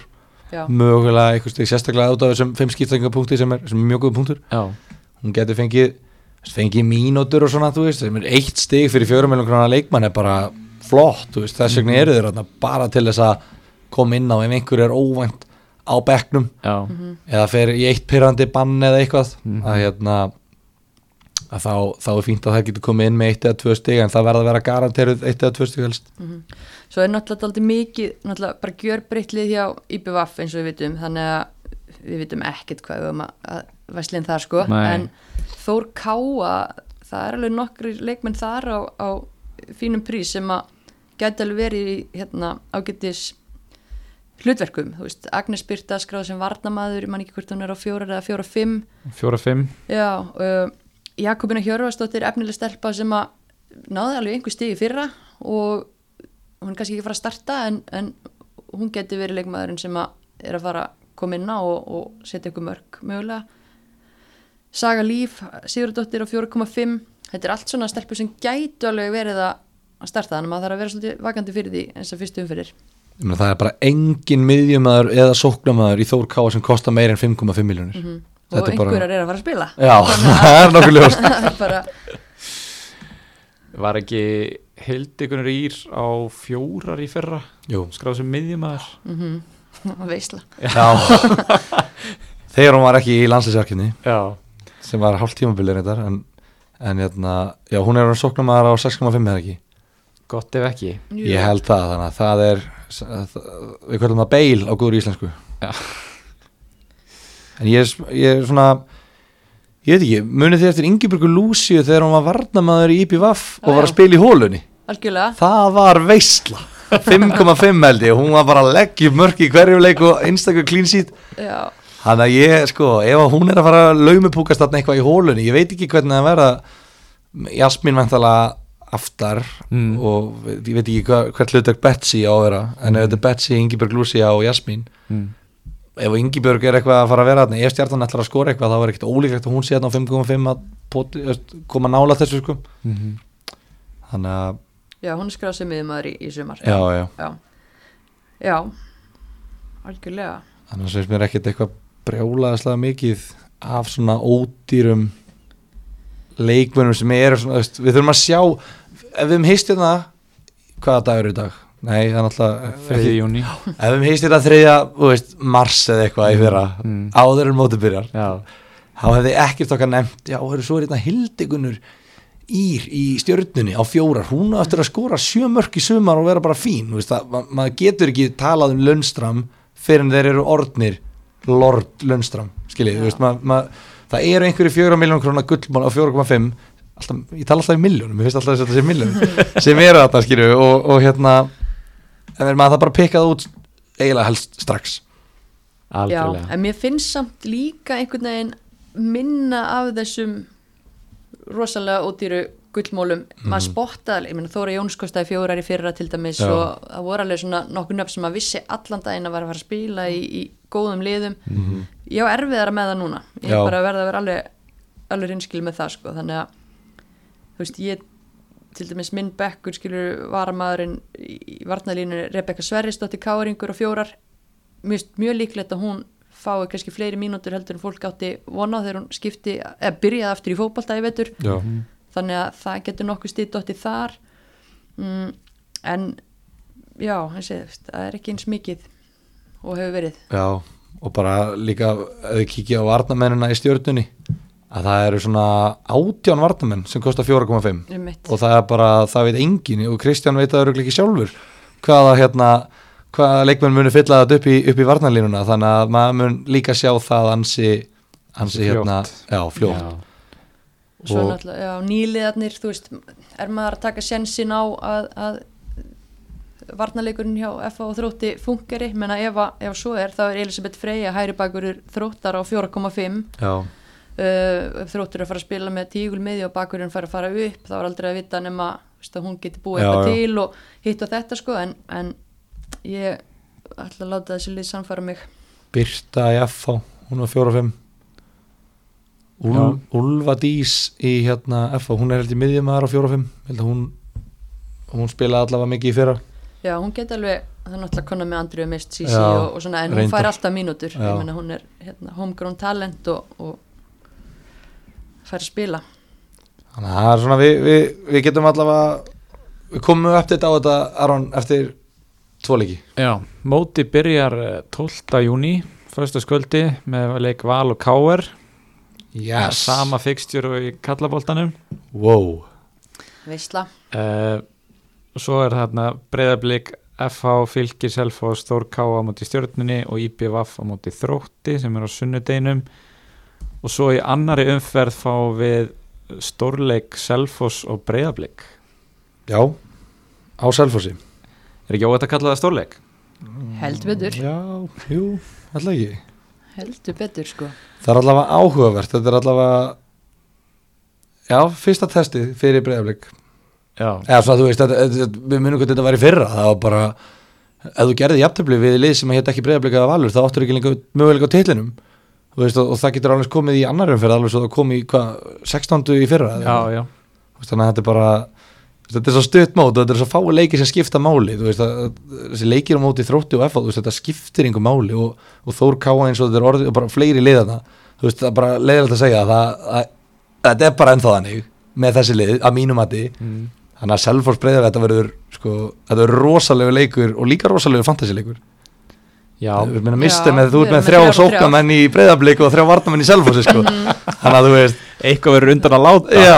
Já, ég glemdi mögulega að skoða hérna Leikjalistan. Já, en ég stend og fell með þessu já, já. já, annars held ég að þetta verði hjá mér eins og undanfærin ár það er wildcard eftir fyrstu þrjárum fyrir eða eitthvað Það þegar maður sé, sér eins og ég segi hver er að fara að spila og svona já. þá hendir maður í gott optimal wildcard Ég er allavega að fara núna að selja dagný og kaupa hlín þegar að valur á káir heima og þrótt úti sko. já, Ég bara, ég ætla að gera það núna svo ég glemmi því ekki ég hérna gerði þetta í fyrra emitt tók wildcard í þriðja fjórðu umferð og var hæstur landinu umferðinu eftir Yes! þannig að það er vonandi að maður hendi eitthvað svipa núna uh, minnst, þú ert að fara að vera sérfræðingur í Pepsi Max mörkurum, það ekki? Jú, það passar Já, og hvenar byrjar veistlan? Uh, Ég held að verði uppbytunar þáttur bara um miðjan júni hvort þessi 14. Síðast, síðast yfir sig en ég er ekki alveg 100% Nei, uh, Uppbytunar? Nei, 14. Nei, fjór, móti byrja 12 já, já, já. Hitum upp Nei, nei, nei, nei. nei 11. fyrir ekki stutti fyrir móti allavega, já Já, sorry, með öll þessa tímasendinguna 11. já Mhm. mér skilst það, ég held að hérna, það stemt á að hafa þetta núna á föstum tímum og líkt því sem hefur verið Mhm. að hérna, verið auðvitað að fylgjast með þessu þannig að ég held að það sé ennþá verið að stefna á 50. skvöldin allavega þegar ég heyrði af þessum daginn þá var ég mjög spenntur að þetta að vera þú og Helena náttúrulega sjáumynda uh, Margrét Lára Bára sem hefur verið með ykkur heimaðallinum mm -hmm. er ég að gleyma einhverju? Já, Kristín Ír Bjarnadóttir, hún er með núna, já, líka þannig að þetta er fínt teimi alvöru teimi sko Þetta er algjör veistla sko. og, bara, og það verður farið yfir uh, sænska boltan líka og byggarinn og eitthvað fleira? Já, ég held að þetta verði bara svona fótbolta veistla sko. Og hérna verði alltaf nóg, nóg að gera, þannig að bara geggja stöð tvö sport sé að fara að sína frá sænska boltanum. Já, Vist, við hérna erum búin að býða mörg ár eftir að fylgjast með öllum konunum okkar þar sko. Emmitt þannig að þetta verður bara geggjað. Bara að fara að flauta þetta á. En það ekki? Þetta hljómar allavega ótrúlega vel og hérna við bara þökkum þér kærlega fyrir komuna. Já, takk fyrir að bjóða mér. og fróðleikin og við mun bara fylgjast með. Gera meira af þessu árum. Já, Já. ég meina við erum hérna að deilum sama stúdíónu.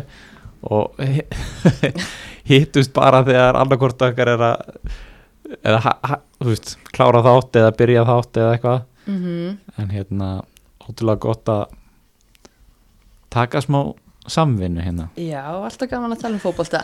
Já, nákvæmlega. Þannig þetta er bara geggjað, nú er ég með eitt markmið í sumar og það er að vera fyrir ofan ykkur. Yes.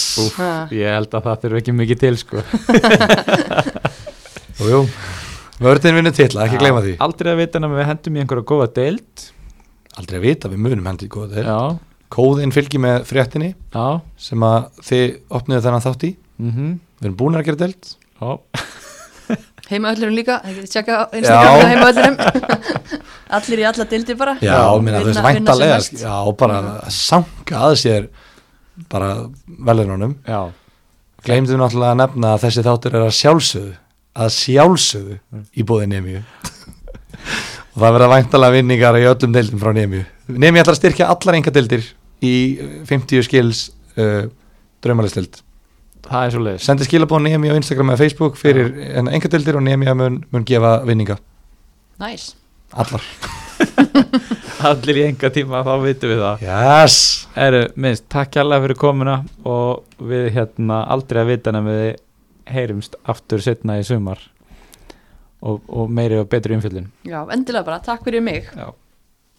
Við erum í byrði inn og ég ætla ekki að spyrja hvort heldur, fylgir Ég ætla ekki að spyrja hvort heldur hversu margar breytingar ertu búin að gera á leðinu uh, síðan síðast. Við hittum örgulega fyrir mánuði síðan. Já þá þarf ég að fara hérna í uh, ég er búin að gera rosalega marga breytingar.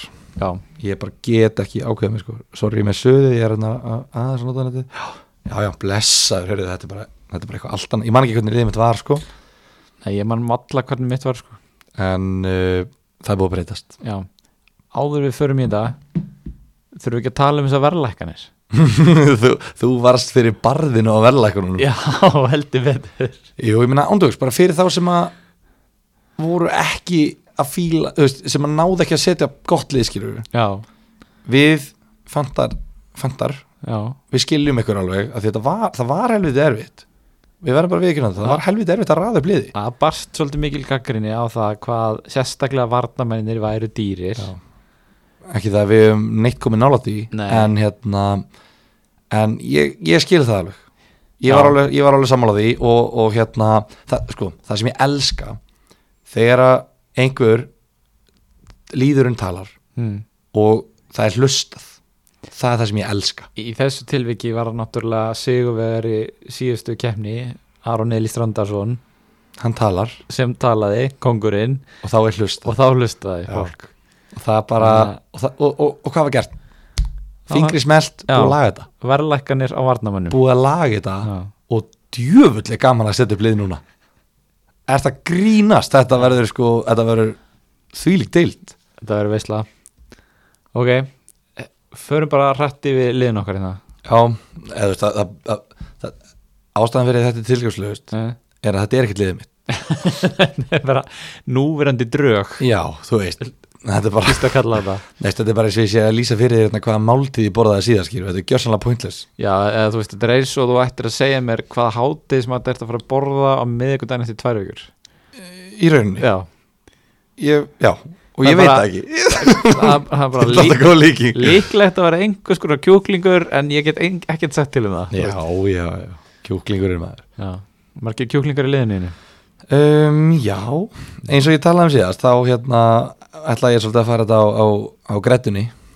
Ungum, ungum, ekki ungum og ferskum um ungum og ferskum leikmunum Ok. En ég er svona sko, ef það er einhver leikmaður sem er búin að ringja persónulega bara liggu við ringi mig og segja mig bara, heyrðu, uh, þú ert í rugglunu GT, Nei. það var annars Hilmar Átni sem að hérna ég held að hann hafi hlustað á þáttinn Hmm. og ég held að hann hafi sagt svona, já, þessi GT sem að bara veit ekkert í sinn haus hefur aldrei fjallað um fótbolta áður íslenska fótbolta sérstaklega, það var minn fyrsti þáttur ég ætla, ég ætla að kenna hann um aðeins hvernig fjölminnalífi virkar Já. þú, þú hérna þú hefur Hilmar Átna upp til skíjana Mhm. eða ég set tvö í smettið á þér í næsta leik og hann gerði það og ég bara elska það skilur þannig ég er að gera allt sem ég get til að koma hann minn í liðið mitt já það er svo leiðis það bara gengur illa þetta á hann að vera fyrsti leikmannur í liðið mitt. Já, það bara gengur ekki nógu vel. Nei. Ég þarf að forna svo miklu. Úf maður, ég held að ég sé búin að gera einhverja sjö breytingar ekki meira, síðan síðast. Ok, ok. Ok, ok, Já. Hilmar Átni er ennþá í liðinu. Væntanlega. Óttar Magnús er ennþá í liðinu. Já, uh, Ég setti Kitta Jóns í liðið já það laglegt Ég horfði á, á megnið af þessum æfingarleik sem vart að vísi hann að stjarnan KR uh, reyndar svona, komir eða bæði óvart hvað stjarnan voru góðir. Þetta var hérna, Máni talaði nú um að þetta var það besta sem eru sínt í einhver ár. Æfingarleikur og allt það en ég get svona alveg kvittað upp á það. Þetta var svona aðeins ekki það er að vera að spila eitthvað lélega fótbolta en þetta var svona aðeins betri bolti en þeir var sínt finnst mér undan verið nár skemmtilegri þá skemmtilegri og Já. svona þú veist, stýttri sendingar og svona minni, minni kraftaboltin þeir hafa verið að spila undan fyrir nár já, já, og hérna að samaskapi K.R. ekki, þeir hafa verið að heiksta bara und, undirbúinstímulinu já Þetta bleið en- kepla ekki núna bara daginn var. já, en að- engu að síður Kitty er eins og eimrið þarna upp og niður kantinn. Já, já. Uh, Ég var að frétta að hann væri komið með eitthvað massíft skegg. Óskar köttar inn á tegin og Kitty kemur í ólappið. Já, en Aron, já, skeggið. Þú vilt fá report um það. Getið fengið report á skegg. Er hann með skegg? Alveg svona ég vígalegt bara, ég skal viðkynna það var ekki það sem ég var reyna að taka eftir þannig sko. Já, já. Þá held ég áfram þessari rannsóknarvinnu og, og kemst að því á endanum. Já. En hérna En ég vil alltaf hafa hann bara með kleinuningin já, honum bara prison lookið þennan Já, bara, þú veist, það virkaði vel í fyrra. Og Kitty, við breytum ekki sigur formúlu, þetta veistu. Þannig að laga þetta fyrir fyrsta leik. það Thank sé you. það sem er að klikka Thank you. Uh, Klikka hjá, KR það er klálega eitt af þessum aðröfum sko. Já, Fekk, Finnur Tómas raukt það fekk raukt núna í keflaðuleiknum Það er líka til dæmis eitthvað, þú veist, ok, já, vel gert hjá þér að eiga flott tímabil Mm. Ekki var að vera ykkur svaka kall, þú komst að inn bara sem krútlegi og hóvar í gæinn Vertu það áfram, þú ert geggjaður Þú veist, við Já. breytum ekki sigur formúlu Nei. Finnur Tómas er ekkert eitthvað bólir allt í hennu, hann bara sástu hvað hann gerði? Nei, ég bara, Tók, tókuð gæja á grítunum bara já, ég las um það Já. Ég bara, Finnur, Finnur mér, þetta er ekki, þetta er ekki þú það er svo fyndið í þessum æfingarleikjum menn eru bara að fá raukt Kári Átnarsvagn Já. raukt líka núna Fyrir eitthvað svona, bara, utan bolta er það ekki já, bara eitthvað svona bara einhver svona stimpingar og tuð bara. Já, að hérna þá fær hann alltaf bara að setja annan mann inn á að þetta er er bara og í handbóltanum já, en já, hérna förum bara hrætti við liðin okkar. Kottum með bara byrjunlið hjá þér. Byrjanlið, Aron Snæður í markinu. Ok, uh, Varðar með Áspjörð Þórðarsson er komin í, í liðið mitt núna eftir að hann fekk félagskipti í gróttu. 4.5 4,5 og menn segja að hann sé garanteraður starter. Þó að þið sé með Kalla líka sem er á 5 já, tala um að Kalli geti spilað á kantinum bla bla bla, þú veist, þeir sem er að hlusta á fótbolta þeir eru bara að hlusta bara, en, en ég er að heyra að Áspjörð sé að fara að vera meiri sé að fara að vera meiri garanteraður starter heldur en Kalli. Já. Eru Eins og þeir, eru þeir að spila eitthvað vingbakkerfi eða er þetta bara Nei, bara- fjöra manna verð? Já, bara fjóri, þrjú, þrjú held ég. og hérna held ég. Þannig ég er með hann, ég er með Kitta og ég er með Birki Val já, í Háká skemmtilegt. Hvað, er þetta nákvæmlega þín vörn? eða? Þetta er svona nánast. Ok, en ég með Birki Val eins og er Já, á 5,5 ég veit ekki þú veist, hann er bara svo nettur. Já. Svo hefur hann líka- mætt á nemiðu námskeið líka sem að hjálpar. Á líka bara sitt sæti í hákáliðinu Já. ólíkt, hann er svona tölvöld örugari um sína stöðu en margir aðri varnamenn í dildinni já, já, já, og bara háká þú veist, ég veit ekki, ég er, svona, ég er, ég er aðeins að missa trú á háká með hvað ég var með sko. En ég veit ekki, háká og ía eru svona, þú veist, eru alveg það er ekki mikil svona sókn í gangi hjá þeim einhvern veginn. Þetta er svona, þau eru sem sé að reyna að ríkhalda í allt sem þau geta átt skilur, þannig ég veit ekki alveg hvar háká er að lenda á þessu. Já, að því sögðu er ég með annan hákáing, Ásker Martinsson í liðinu mínu sem að hérna slýsaðist einhvern veginn inn í þetta lið og, og, og það verður bara að hafa það, hann var stóðsendingahæstur og markaðistur leikmaður háká í fyrra. En hérna, ég veit ekki alveg hvað ég ætla að gera við hann. Svo er ég með Ágúst Linsson sem er náttúrulega bara leikilmaður í, í mörgum liðum. Á 7 miljónir er það ekki? Uh, Axel Sigurðarsson, gróttu. Já, 5,5 já. 5,5 uh, miljónir og hann verður í starra hlutverki heldur en kannski fólk gerir sér grein fyrir myndi ég halda þannig að ég er svona ég er spenntur fyrir honum. Ég mér finnst hann, það sem ég séð er ekkert eitthvað brjálaðslega mikið en, en hérna, mér, maður sér alveg þú veist, það er alveg ímislegt til í honum.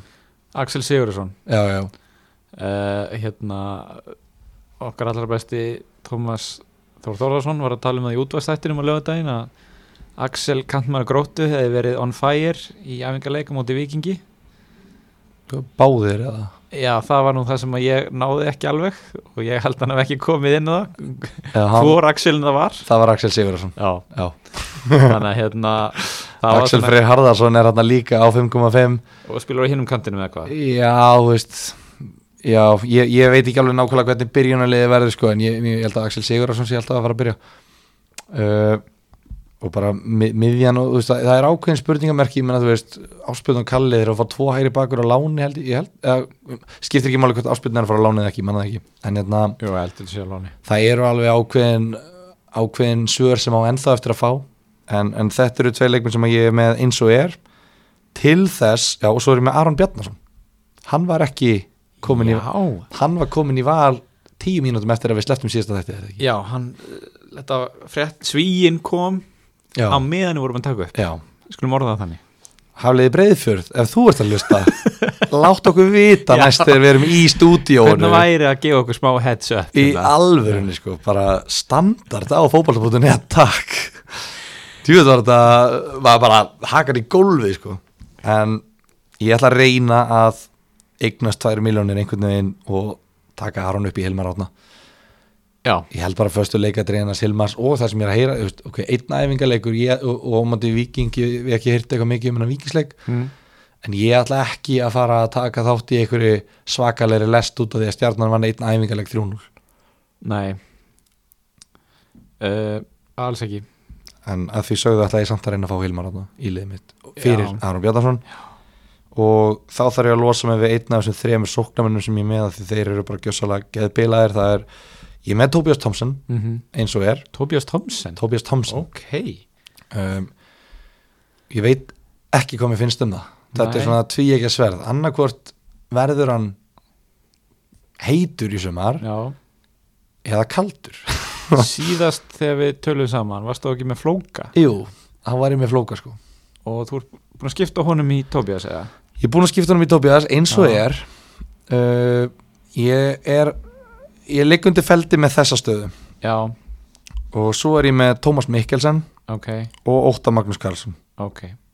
Þannig að ég veit ekki sko þetta, þetta er svo erfitt. Að þú ert bara með Þú ert með, basically, þú ert með Tómas Mikkelsen Óttan Magnús, Patrik Pedersen og Hilmar já, Veldu þrjá af þessum fjórum. Já, Og hvernig í fukkanum á ég að sleppa því að hafa einn af þessum fjórum í liðinu mínu eða velja alla fjóra og hafa bara einhverju gosa þá með þeim. Já, að, því, að ég er alveg með ódýra leikmenn. Já, þú veist, ég er með ódýran markmann ég er með ódýran varnamann og tvo ódýra miðjumenn í rauninni skilur mm.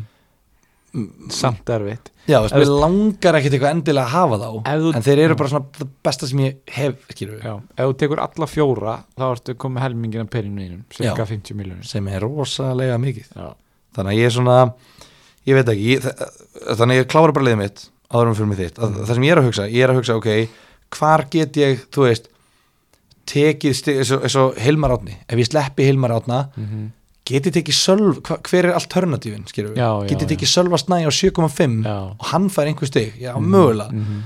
ef ég sleppi óttari Magnúsi hvern tek ég þá? Helga Guðjóns er hann að fara að byrja inn á?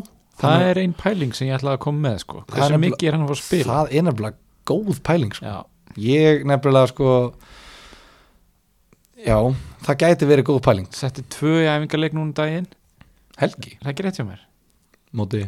Uh, ég bara, manna ekki. Eða veist, ég er ekkit í sjokki Helgi Guðjóns Nei. hafi skorað nei, sko, það, það, við höfum alveg séð að það gerast áður Já. alltaf markaðistur á svona Pétri er það ekki í fyrra? Nú er annar þeirra alveg brjálaður út af því að annar þeirra var markaður þeir voru mjög mörg mörg held ég sko. Já, já, já. En hérna sko, ma maður er að heyra að tala um hérna 4-4-2 hjá Viking Já, með Helga og, og hérna Óttar upp á topp. Þeir byrjuðu í 3-5-2 núna á móti gróttu. Uh, með Óttar Magnús og Gústa upp á topp. Já, um, þá er spurning sko já, en sorry, klára því já nei, nei, það er mitt málið ég er ekki viss um að hann sé að fara að- byrja inn á í Hel- Viking Helgi, Já. já. En ef hann gerir það þá kostar hann 6,5 miljónir og þetta er bara strækir. Ég held að maður hafi þetta sem svona veist, það kem, ég meina, við sjáum það bara í fyrstu tveim leikjurum ef hann er að fara að starta þá er hann að fara að detta inn í já. sem, sem að ég persónulega er örgulega að fara að taka eftir 2-3 ári fyrir. En svo móti er náttúrulega með vítin auka veist, og hann, hann er svo mikill hluti af sóknarleik vikinga mm að ég á erfitt með að taka hann. Ég á auðveldara með að taka Sölva í stað fyrir Hilmar Já. í staðan fyrir Helga í stað fyrir Óttar. Sama með blikana. Ef ég er ekki með Tómas Mikkelsen hvern þá? Brynjólf? Nei takk. Ég ætla ekki að vera með Brynjólf Mm. á 8,5 miljónir sama hvað einhverjir aðrir segja nafni hans oft í mikrofón já, eins og það gera hann að betri leikmanni. Já, ég bara sorry á 8,5 miljónir eins og staðan er núna mm. er það bara, væri það glórulust að mínum mati, já. en getur vel verið að hann springi út núna og skori tíu mörg Mm en hann bara það, það er ekkert sem segir mér að þetta séu góðkaupa 8,5 miljónir eins og hann er efnilegur og, og bara góður í Emitt þannig að, þannig að það er engin í Gísli Egil svo nýju er ég að hugsa mögulega veit það ekki, svo sem ekki rótur þeir eru með svo ógislega breiðan hóp Já. Ég veit ekki þannig, ég er bara, ok, ég tek bara Thomas Mikkelsen. Já, hann er bara að byrja frá mig þannig að þetta er Patrik, klára að leiðið þitt? Patrik Peðis já, já, ég er með, ég er með Tobias Thompson, Thomas Mikkelsen og Óttur Magnús frá mig Já, og að mig Á ég að fara mína framlýninu eða? ég, ég, er búið með liðið mitt, Já, alveg ég byrjaði í markinu. Finnst þér að þetta var svona stutt? Ég, mér fannst þetta að vera, við fannst þú að byrja í það, en ég, ég er bara á hann eitthvað röglaður ég reyndar með eitt punkt í viðbútt Já, hvað með það? ómerkilegan punkt. En uh, við töluðum mikið um Aron Breka. Já, manstu, já, varnamann í fylki. Mm. -hmm. sóknarmaraðu upplægi, fjóra miljónir daði tæpur, yes sir. Strókum það allt út. Ok, allt, hvað kom fyrir? hann er að fara að skipta yfir í elliða í þriðutildinni, Það er stórt. Það er stórt. Þannig að þá eh, gerir hann ekki mikið gegn í draumalisteild Eyjabita. Nei, ekki fyrir Eyjabiti sponsor þriðutildar draumalisteild en hann er sagt uh, á leiðinni í elliða ok. Og hérna og mun styrkja styrkja það frábæra lið. Þannig að það er eiginlega bara gjörsamlega gjörsamlega tilgangslöst að hafa hann í Já. liðinu. Ok, þannig ég fann nýja nárambreyka sem að verður okkar lundstram og hann byrja með segja á ell uh, í fylki eða? nei, Nei, býtum við ellið hefði geta verið í fylki ef hann hefði ekki skipt úr fylki af einhverjum ástæðum sem er mjög erfitt að krakka. Leo Reynisson. Já, hann er liðinu mínu. Og sko hann er í lið þú veit ekki með Aron. Nei, Þú ég, skilaðir Aroni. Sjáðu hvað ég er quick við að Heyrðu, ok, ok. Ég er að fylgjast með, ég er að læra heima sko. En við erum svo komni með Leo Já, af því að hann kláraði Borgó í vor já, eftir góða hjálp frá Nemju hann hefur verið duglegur í enga tímum Nemju mhm, og, hérna, og hann er komin í sumafri og getur núna einbætt sér af fótballtarum Mhm. þannig að ég er, ég er mjög spenntið fyrir að sjá hann og ég er svona að vona að hann geti leista af ef einhver, ef einhver meiðist eða veikist eða verður ekki með að Já. hann geti komið inn á, og leista það en ég vildi bara koma þessu frá mér að því að ég ég fekk smá, get ég fann fyrir smá hita fyrir að hérna lofræðina að maranbreyka það? en, hérna, já, en, en, en engar áhugjur, ég delivera alltaf og, og Aranbreyki er farin úr liðinu. Ok, ok. Og ég hlakka til að sjá prósentuna fara því að hún rauk upp eftir þátt. Já, ég hlakka til að sjá eftir þennan þátt fara úr 20 niður í 0 það er svo leiðis það er svo það er, hvernig er þittlið? Byrja fram með það? Uh, ég bara byrja það svo þú vilt. Ok. Herru, í, ætla ég að byrja í markinu? Svo getur skrolla svona hægt upp svo ég sjá já, ekki liðið, ég vissi það. Uh, Þar er ég komin með Hákon úr gróttu það er skemmtilegt pikk í markið. Ég einhvern veginn svona bara er svolítið að byggja þetta á umfjöllun undarfarna daga. Uh, Þeir litur vist vel út á móti vikingi þó að vikingur hafa endanum unni leikin það var grótt að 2 lífur í hálfleik. Uh, Gústi kann að skipulegja lið og drilla þau. Og hérna ég, ég menna það er mikið búið að tala með hennar markmann og ég líst vel á hann og mér líst svona örlítið betur á hann en Aron í fylki. Já, þannig að hérna ég er svona að miða við bara að taka ódýna markmann. Mér finnst líka líklega að hann fái bónustig. Já, að því hann áttur að fá 20 skot á sig í hverjum leikurgla já, og hann ætti að geta varið flest þeirra. Ég veist um að hann fara að fá okkur 11 mörg á sig í leik. Emitt og ég meina, sko ég var að hugsa þetta á hann þegar ég breyðablик í fyrsta leik það er bara hérna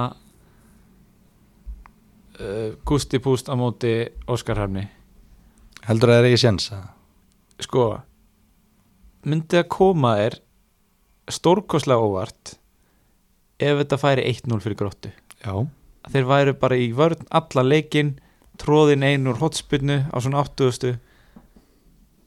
ég það kemur með stórkostlega sjálfsög þetta kemur með stórkostlega óvart. Já, ég meina að þú veist já, ekki þér, ég var bara eitthvað svona þú veist, auðvitað er þetta bara eitthvað óskikja hvað bara kringum- Hákon í Rapp kring- kastar hann með Áspjörð Þóruðarsson sem að smýra hann? Kring- Þetta er bara eitthvað óskikja í kringum, þú veist, fantasy. Ó, en hérna en ég, þú veist ég meina ef, ef þetta gerist þá ég bara eftir að vera já, ok þá lítum við tilbaka já, þá reyfum við þann gæti gerst virta sko. það skrálið upp. En þú veist manni líður þess að þetta verði annarkvort 6-0 fyrir breyðablик eða þú veist 0-0, 1-0 fyrir gróttu. Já, Veist. en við erum allavega báðir í 5 miljón krónar markmanni við Já. erum ekki í þessum dýra við markmannum Nei, og er það ekki bara út af því að það, þeir eru bara út dýrir? Það er út af þessum fjórun leikmann sem við tölum um áðan, þessum dýrir sem að við erum að reyna að koma fyrir. Já, fyrir utan það að ef þú berð, á, ef þú berð þessa markmann saman við varnamenn Já, þú myndir miklu frekar vilja hafa 7 miljón krónar varnamann og 5 miljón krónar markmann mhm. heldur en 5 miljón krónar markmann og 7 miljón krónar varnamann Já, út af því að markmennir er ekki að fá eitthvað brjálega mörg stig. Nei, var- ekki sóknast í inn alltaf Það er ekki að leggja upp mörg alla jafna. Nákvæmlega, þannig að ég myndi viklu ekki vilja hafa Kitta Jóns að dritin mm -hmm. þó beitir hafa alveg fengið mörg stig. En ég ætla líka að koma inn á sko með, eins og með Aron Snæ Mm. að það sem að margi vita ekki hann er fantasy er eiginlega sko, hann er eiginlega eini gæðin sem hefur hlustað á hverja einustu mínútu tvísvar af enska fantasíun okkar og bara, hann ringir í mig sko bara þrísvar í viku bara að ræða einhverja pælingar. Þannig að ég veit að hann mun spila íslenska fantasíið. Ég veit að hann mun reyna að sækja bónustíðin. Hann mun gera, hann, hann, hann er mjög yktur markmaður og hann verður ennþá yktar í sumar með, með svona sjónarsvöslur til þess að sækja bónustíðin. Það er gaman að heyra, ég vona bara að hann sokki mig fyrir að henda sér úr liðinu. Og náttúrulega það sem að fylgismenn hafa verið að tala um í bara viðtölum, þetta er ekki bara eitthvað þó ég sé fylgismenn, þetta er bara fylgismenn hafa verið að tala um þetta sjálfur í fjölmjölum að þeir séu að leggja mikla áherslu á varnarleikin mm -hmm. í, í sumar og hafi verið að gera í vetur út af því að vörnið þeirra var vonlaus í fyrra. Já, og þú veist, þeir eru með, með alla svein komin að sem er náttúrulega varnar hjálkur, mm -hmm. Ég veit ekki, kannski er þetta nákvæmlega sama ræð og ég tók síðast en, en það er, þetta er mín óskekja Mhm. að, að fylgir veist, að ég sjá að fylki halda hreinu á meðan ég er lifandi það er bara draumur sem ég, ég er bara beðið eftir hún svo lengi sko. Já, fylgir á stjörnuna í fyrsta leik. Já, sem Eh, hefur reyndar alltaf reynst fylki erfitt. svo fáir breyðabliki sem hefur heimsók líka alltaf reynst fylki erfitt. Já, svo er gróttu sem reyndist fylki erfitt í byggarnum í fyrra. Þannig hérna sko, en með eitt með Hákon uh, jú, þeir eiga breyðabliki fyrsta leik þeir eiga val eftir það. Já.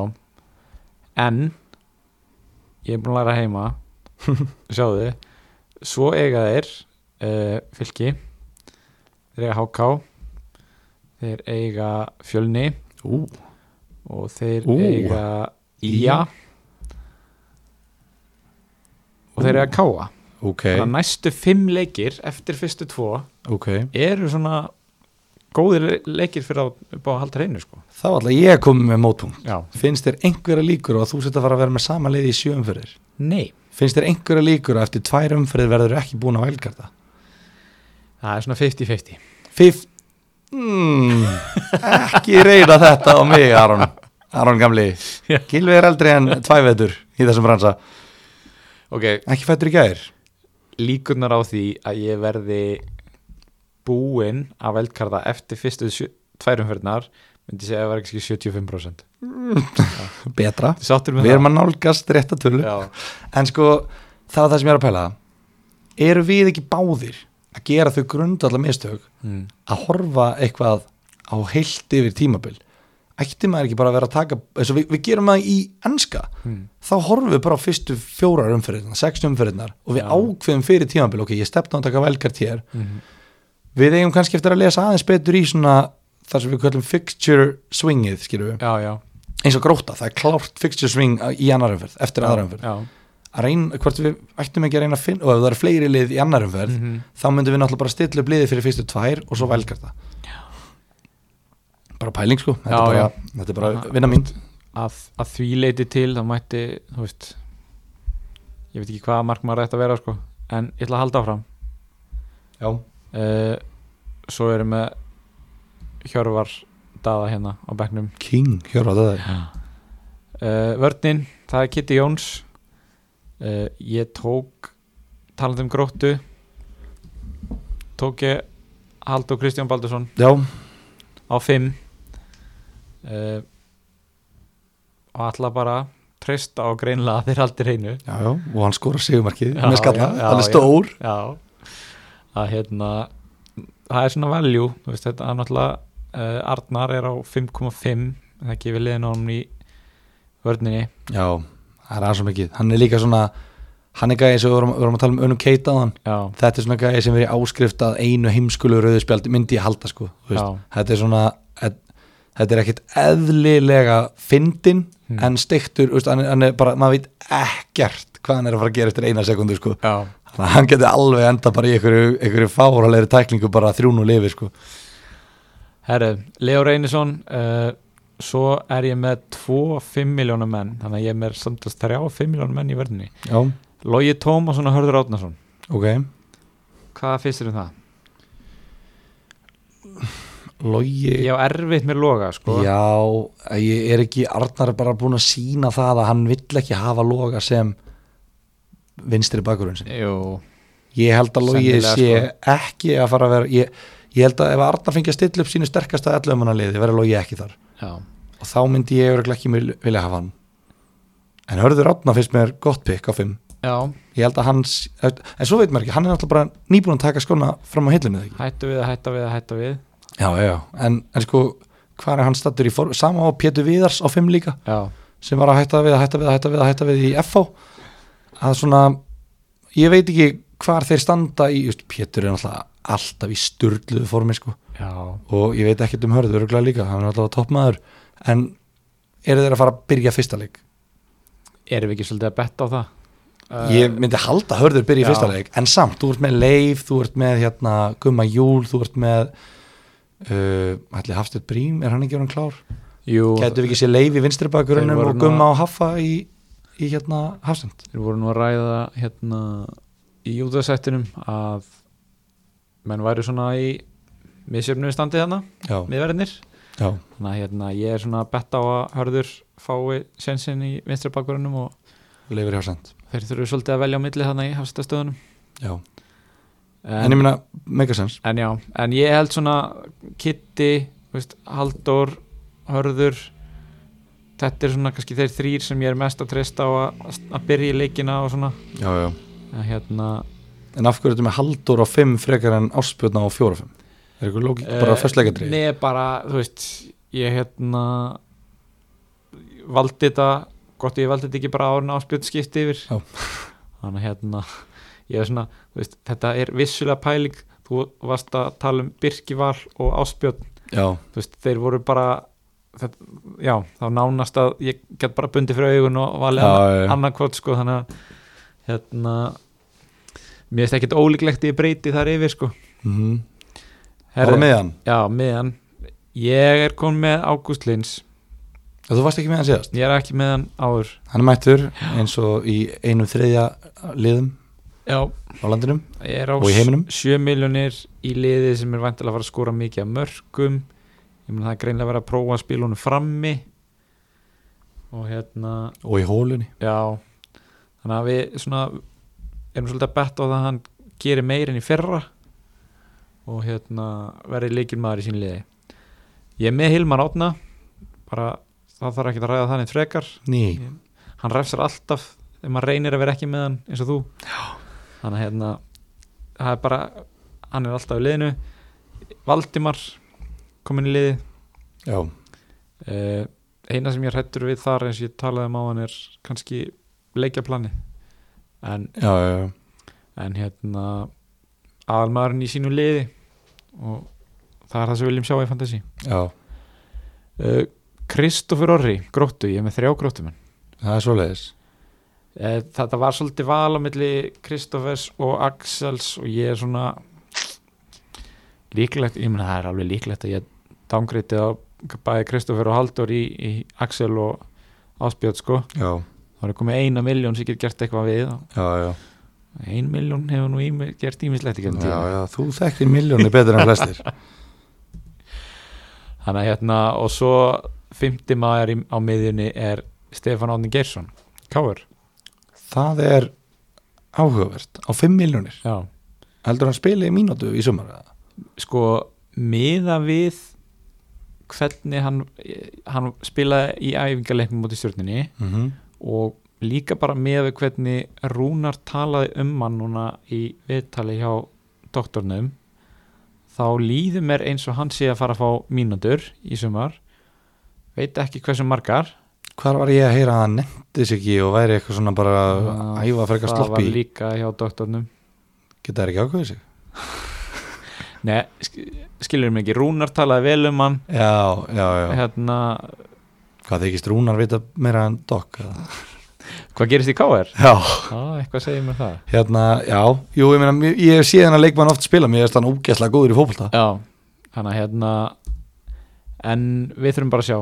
Ég getur vel verið að ég lækki hérna ef ég, ef ég vil taka inn, að því ég er með, núna með tvo sóknumenn, má segja. Þetta er eitthvað alveg balans í þessu liði, sko. Já, upp á topp er ég með Tómas Mikkelsen og Ótta Magnús.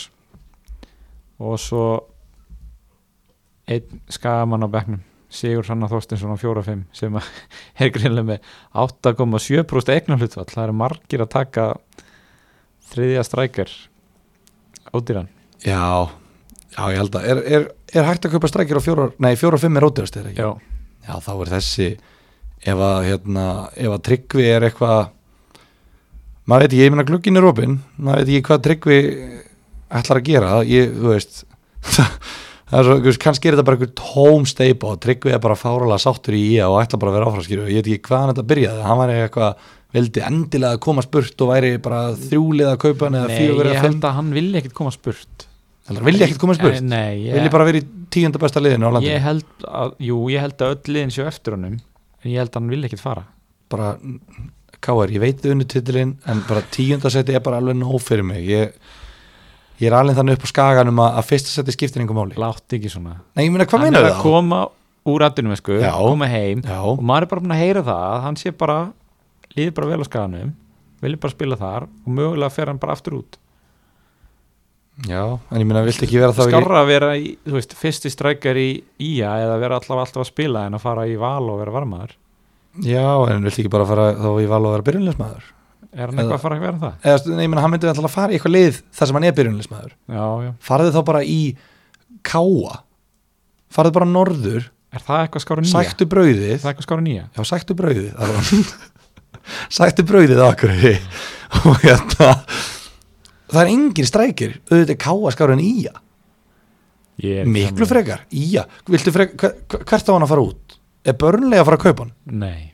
Hvað lið er að fara að kaupa hann? Eða þú veist nei, ég bara, við erum bara að pæla þetta Já, já. Það er ekki að fara í fílu. Nei, nei, hann, hann færi þá bara aftur til Noregs eða Svíþjóðar eða Já, hvað það er, skilur við ég skil bara ekki af hverju hann ætti vilja vera í liði sem að spilar fótbolta sem Ía spilaði í fyrra og kannski ætla þeir að reyna að spila eitthvað flottar í fótbolta núna en þú veist, þá er þeir kannski bara tólta besta liði í dildinni Já, já.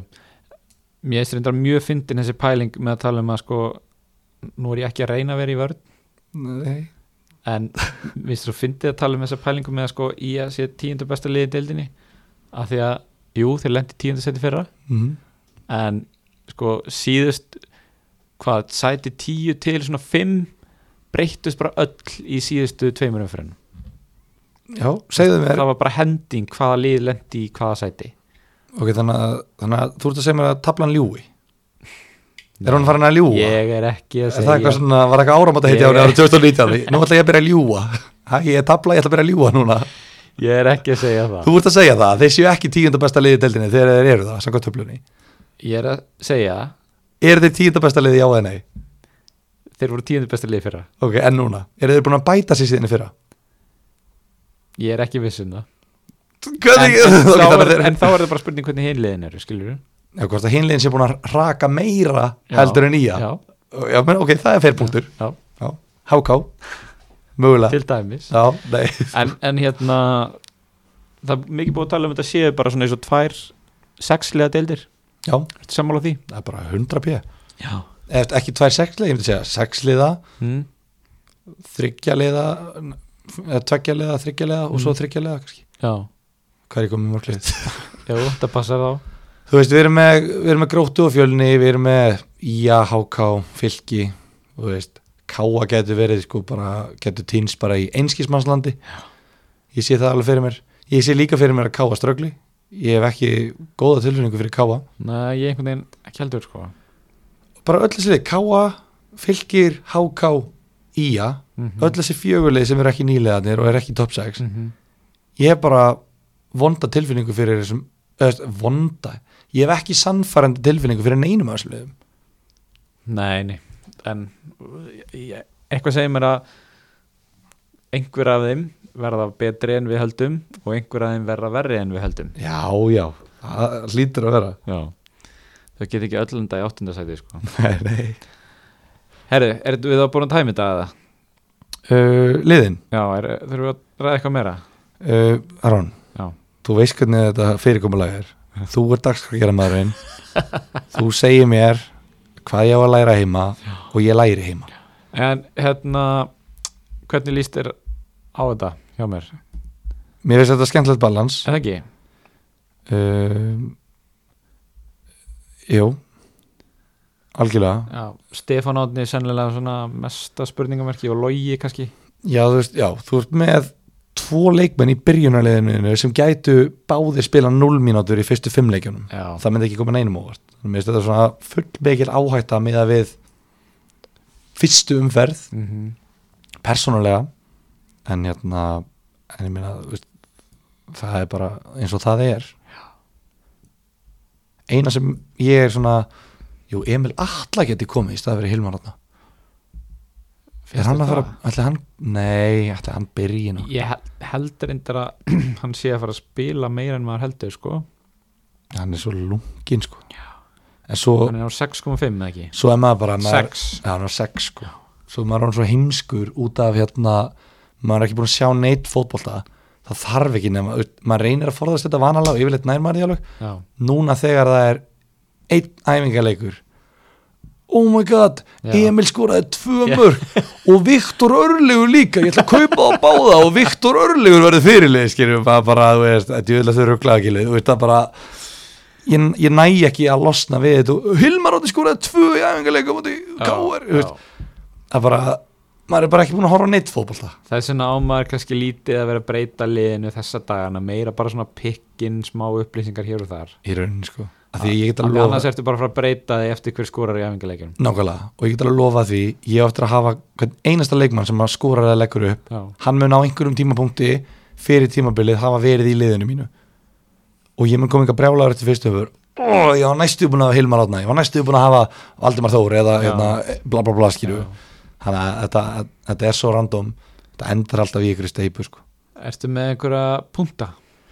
nei, erum við ekki bara með hraða punkt, eða svona hraðspurningapunktar Eina sem að ég var að pæli í eða einu punktur sem er ekki búin að koma inn á eh, Alexander Helgi Sigurðsson breyðablík já, á 5.5 negativ það er negativ það er samt talað um að hann sé að fara að starta já, já, hann má alveg starta en, en hann er ekki bara að skora eitt mark í sumar. Ok, þú getur alveg satt Sigun Reynisson fyrirlega gróttu þarna á 5.5 hann, hann byrjar þetta leiki sem hann heill en, en hann mun ekki skora eitt mark í sumar. Þó hann þó hann hérna þú veist þó hann hafi skorað einhver mörg á æfinni já, já, en þau eru ekki mörg því miður. Þannig að hérna þú veist já, yes sir, herru, eigum við að tala eitthvað um ennska boltan enski bolti maður. Ég, ég kom ekki einu sinni undirbúin fyrir það. Ég vissi Nei. ekki einu sinni að við værum að fara að gera það. Ég held bara, geymið það bara þannig næstu viku. Er það ekki bara? uh, eftir fyrstu umferð, þegar við gerum fyrstu umferðinu já, ekki þá bara jú. Við þurfum að eiga þetta samtal offer að því við erum ekki búin að ræða hvernig við ætlum að skipulegja þetta. Já, við viljum fá, ef við ekki bara fá bara, að því að eins og ég var að segja á þann þegar líðurinn talar, hvað er best að gera? Hlusta. Já, já, ef ekki bara leifa líðunum að tala? Já. hvernig viljið, eða hvað? Nei, tölum um þetta offer. Já, eina sem við ætlum að segja er ennski boltin byrjar 17. júni þjóðu þetta í Íslandika, já, hvað gerist þá? yippee fantasy is back. Og við viljum líka segja þér að við erum á fantasy eh, við erum á fantasy, við erum á Instagram já, og Facebook. Já, undir nafninu heitum náttúrulega fan Fantabrögð. á Instagram. Og, Og- Facebook. Já, Og? við bendum á grúppuna samt. Já, þar gerast það hlutinir fantasy bragðar yfir. Já, og þar verður íslenska fantasy umræðan. Þar mun hún einnig eiga sér stað. Já, og uh, og hérna já, við hvetjum fólk bara til að dundra sér þar inn og koma með einhver góður tips hérna, við vitum, ég meina við erum að fá skilabóð fengum lesning á Instagramnum daginn, bara greiningu á einu liði bara frá að til au já, já, já.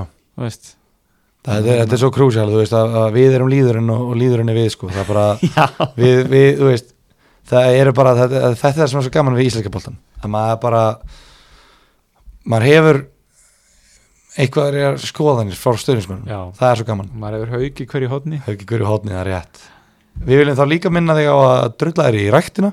Já, og hérna búa opnáttur að búa að opna til workclassi búið að opna. Já, og hérna það er eiginlega bara að velja sér stöð það er búið að vera, það er búið að vera í framkvæmdum á okkur einustu líka stöðleiku við sko, þannig að hérna, þetta lítur allt út bara eins og ég veit ekki hvað sko, fimmstjörnu hótel.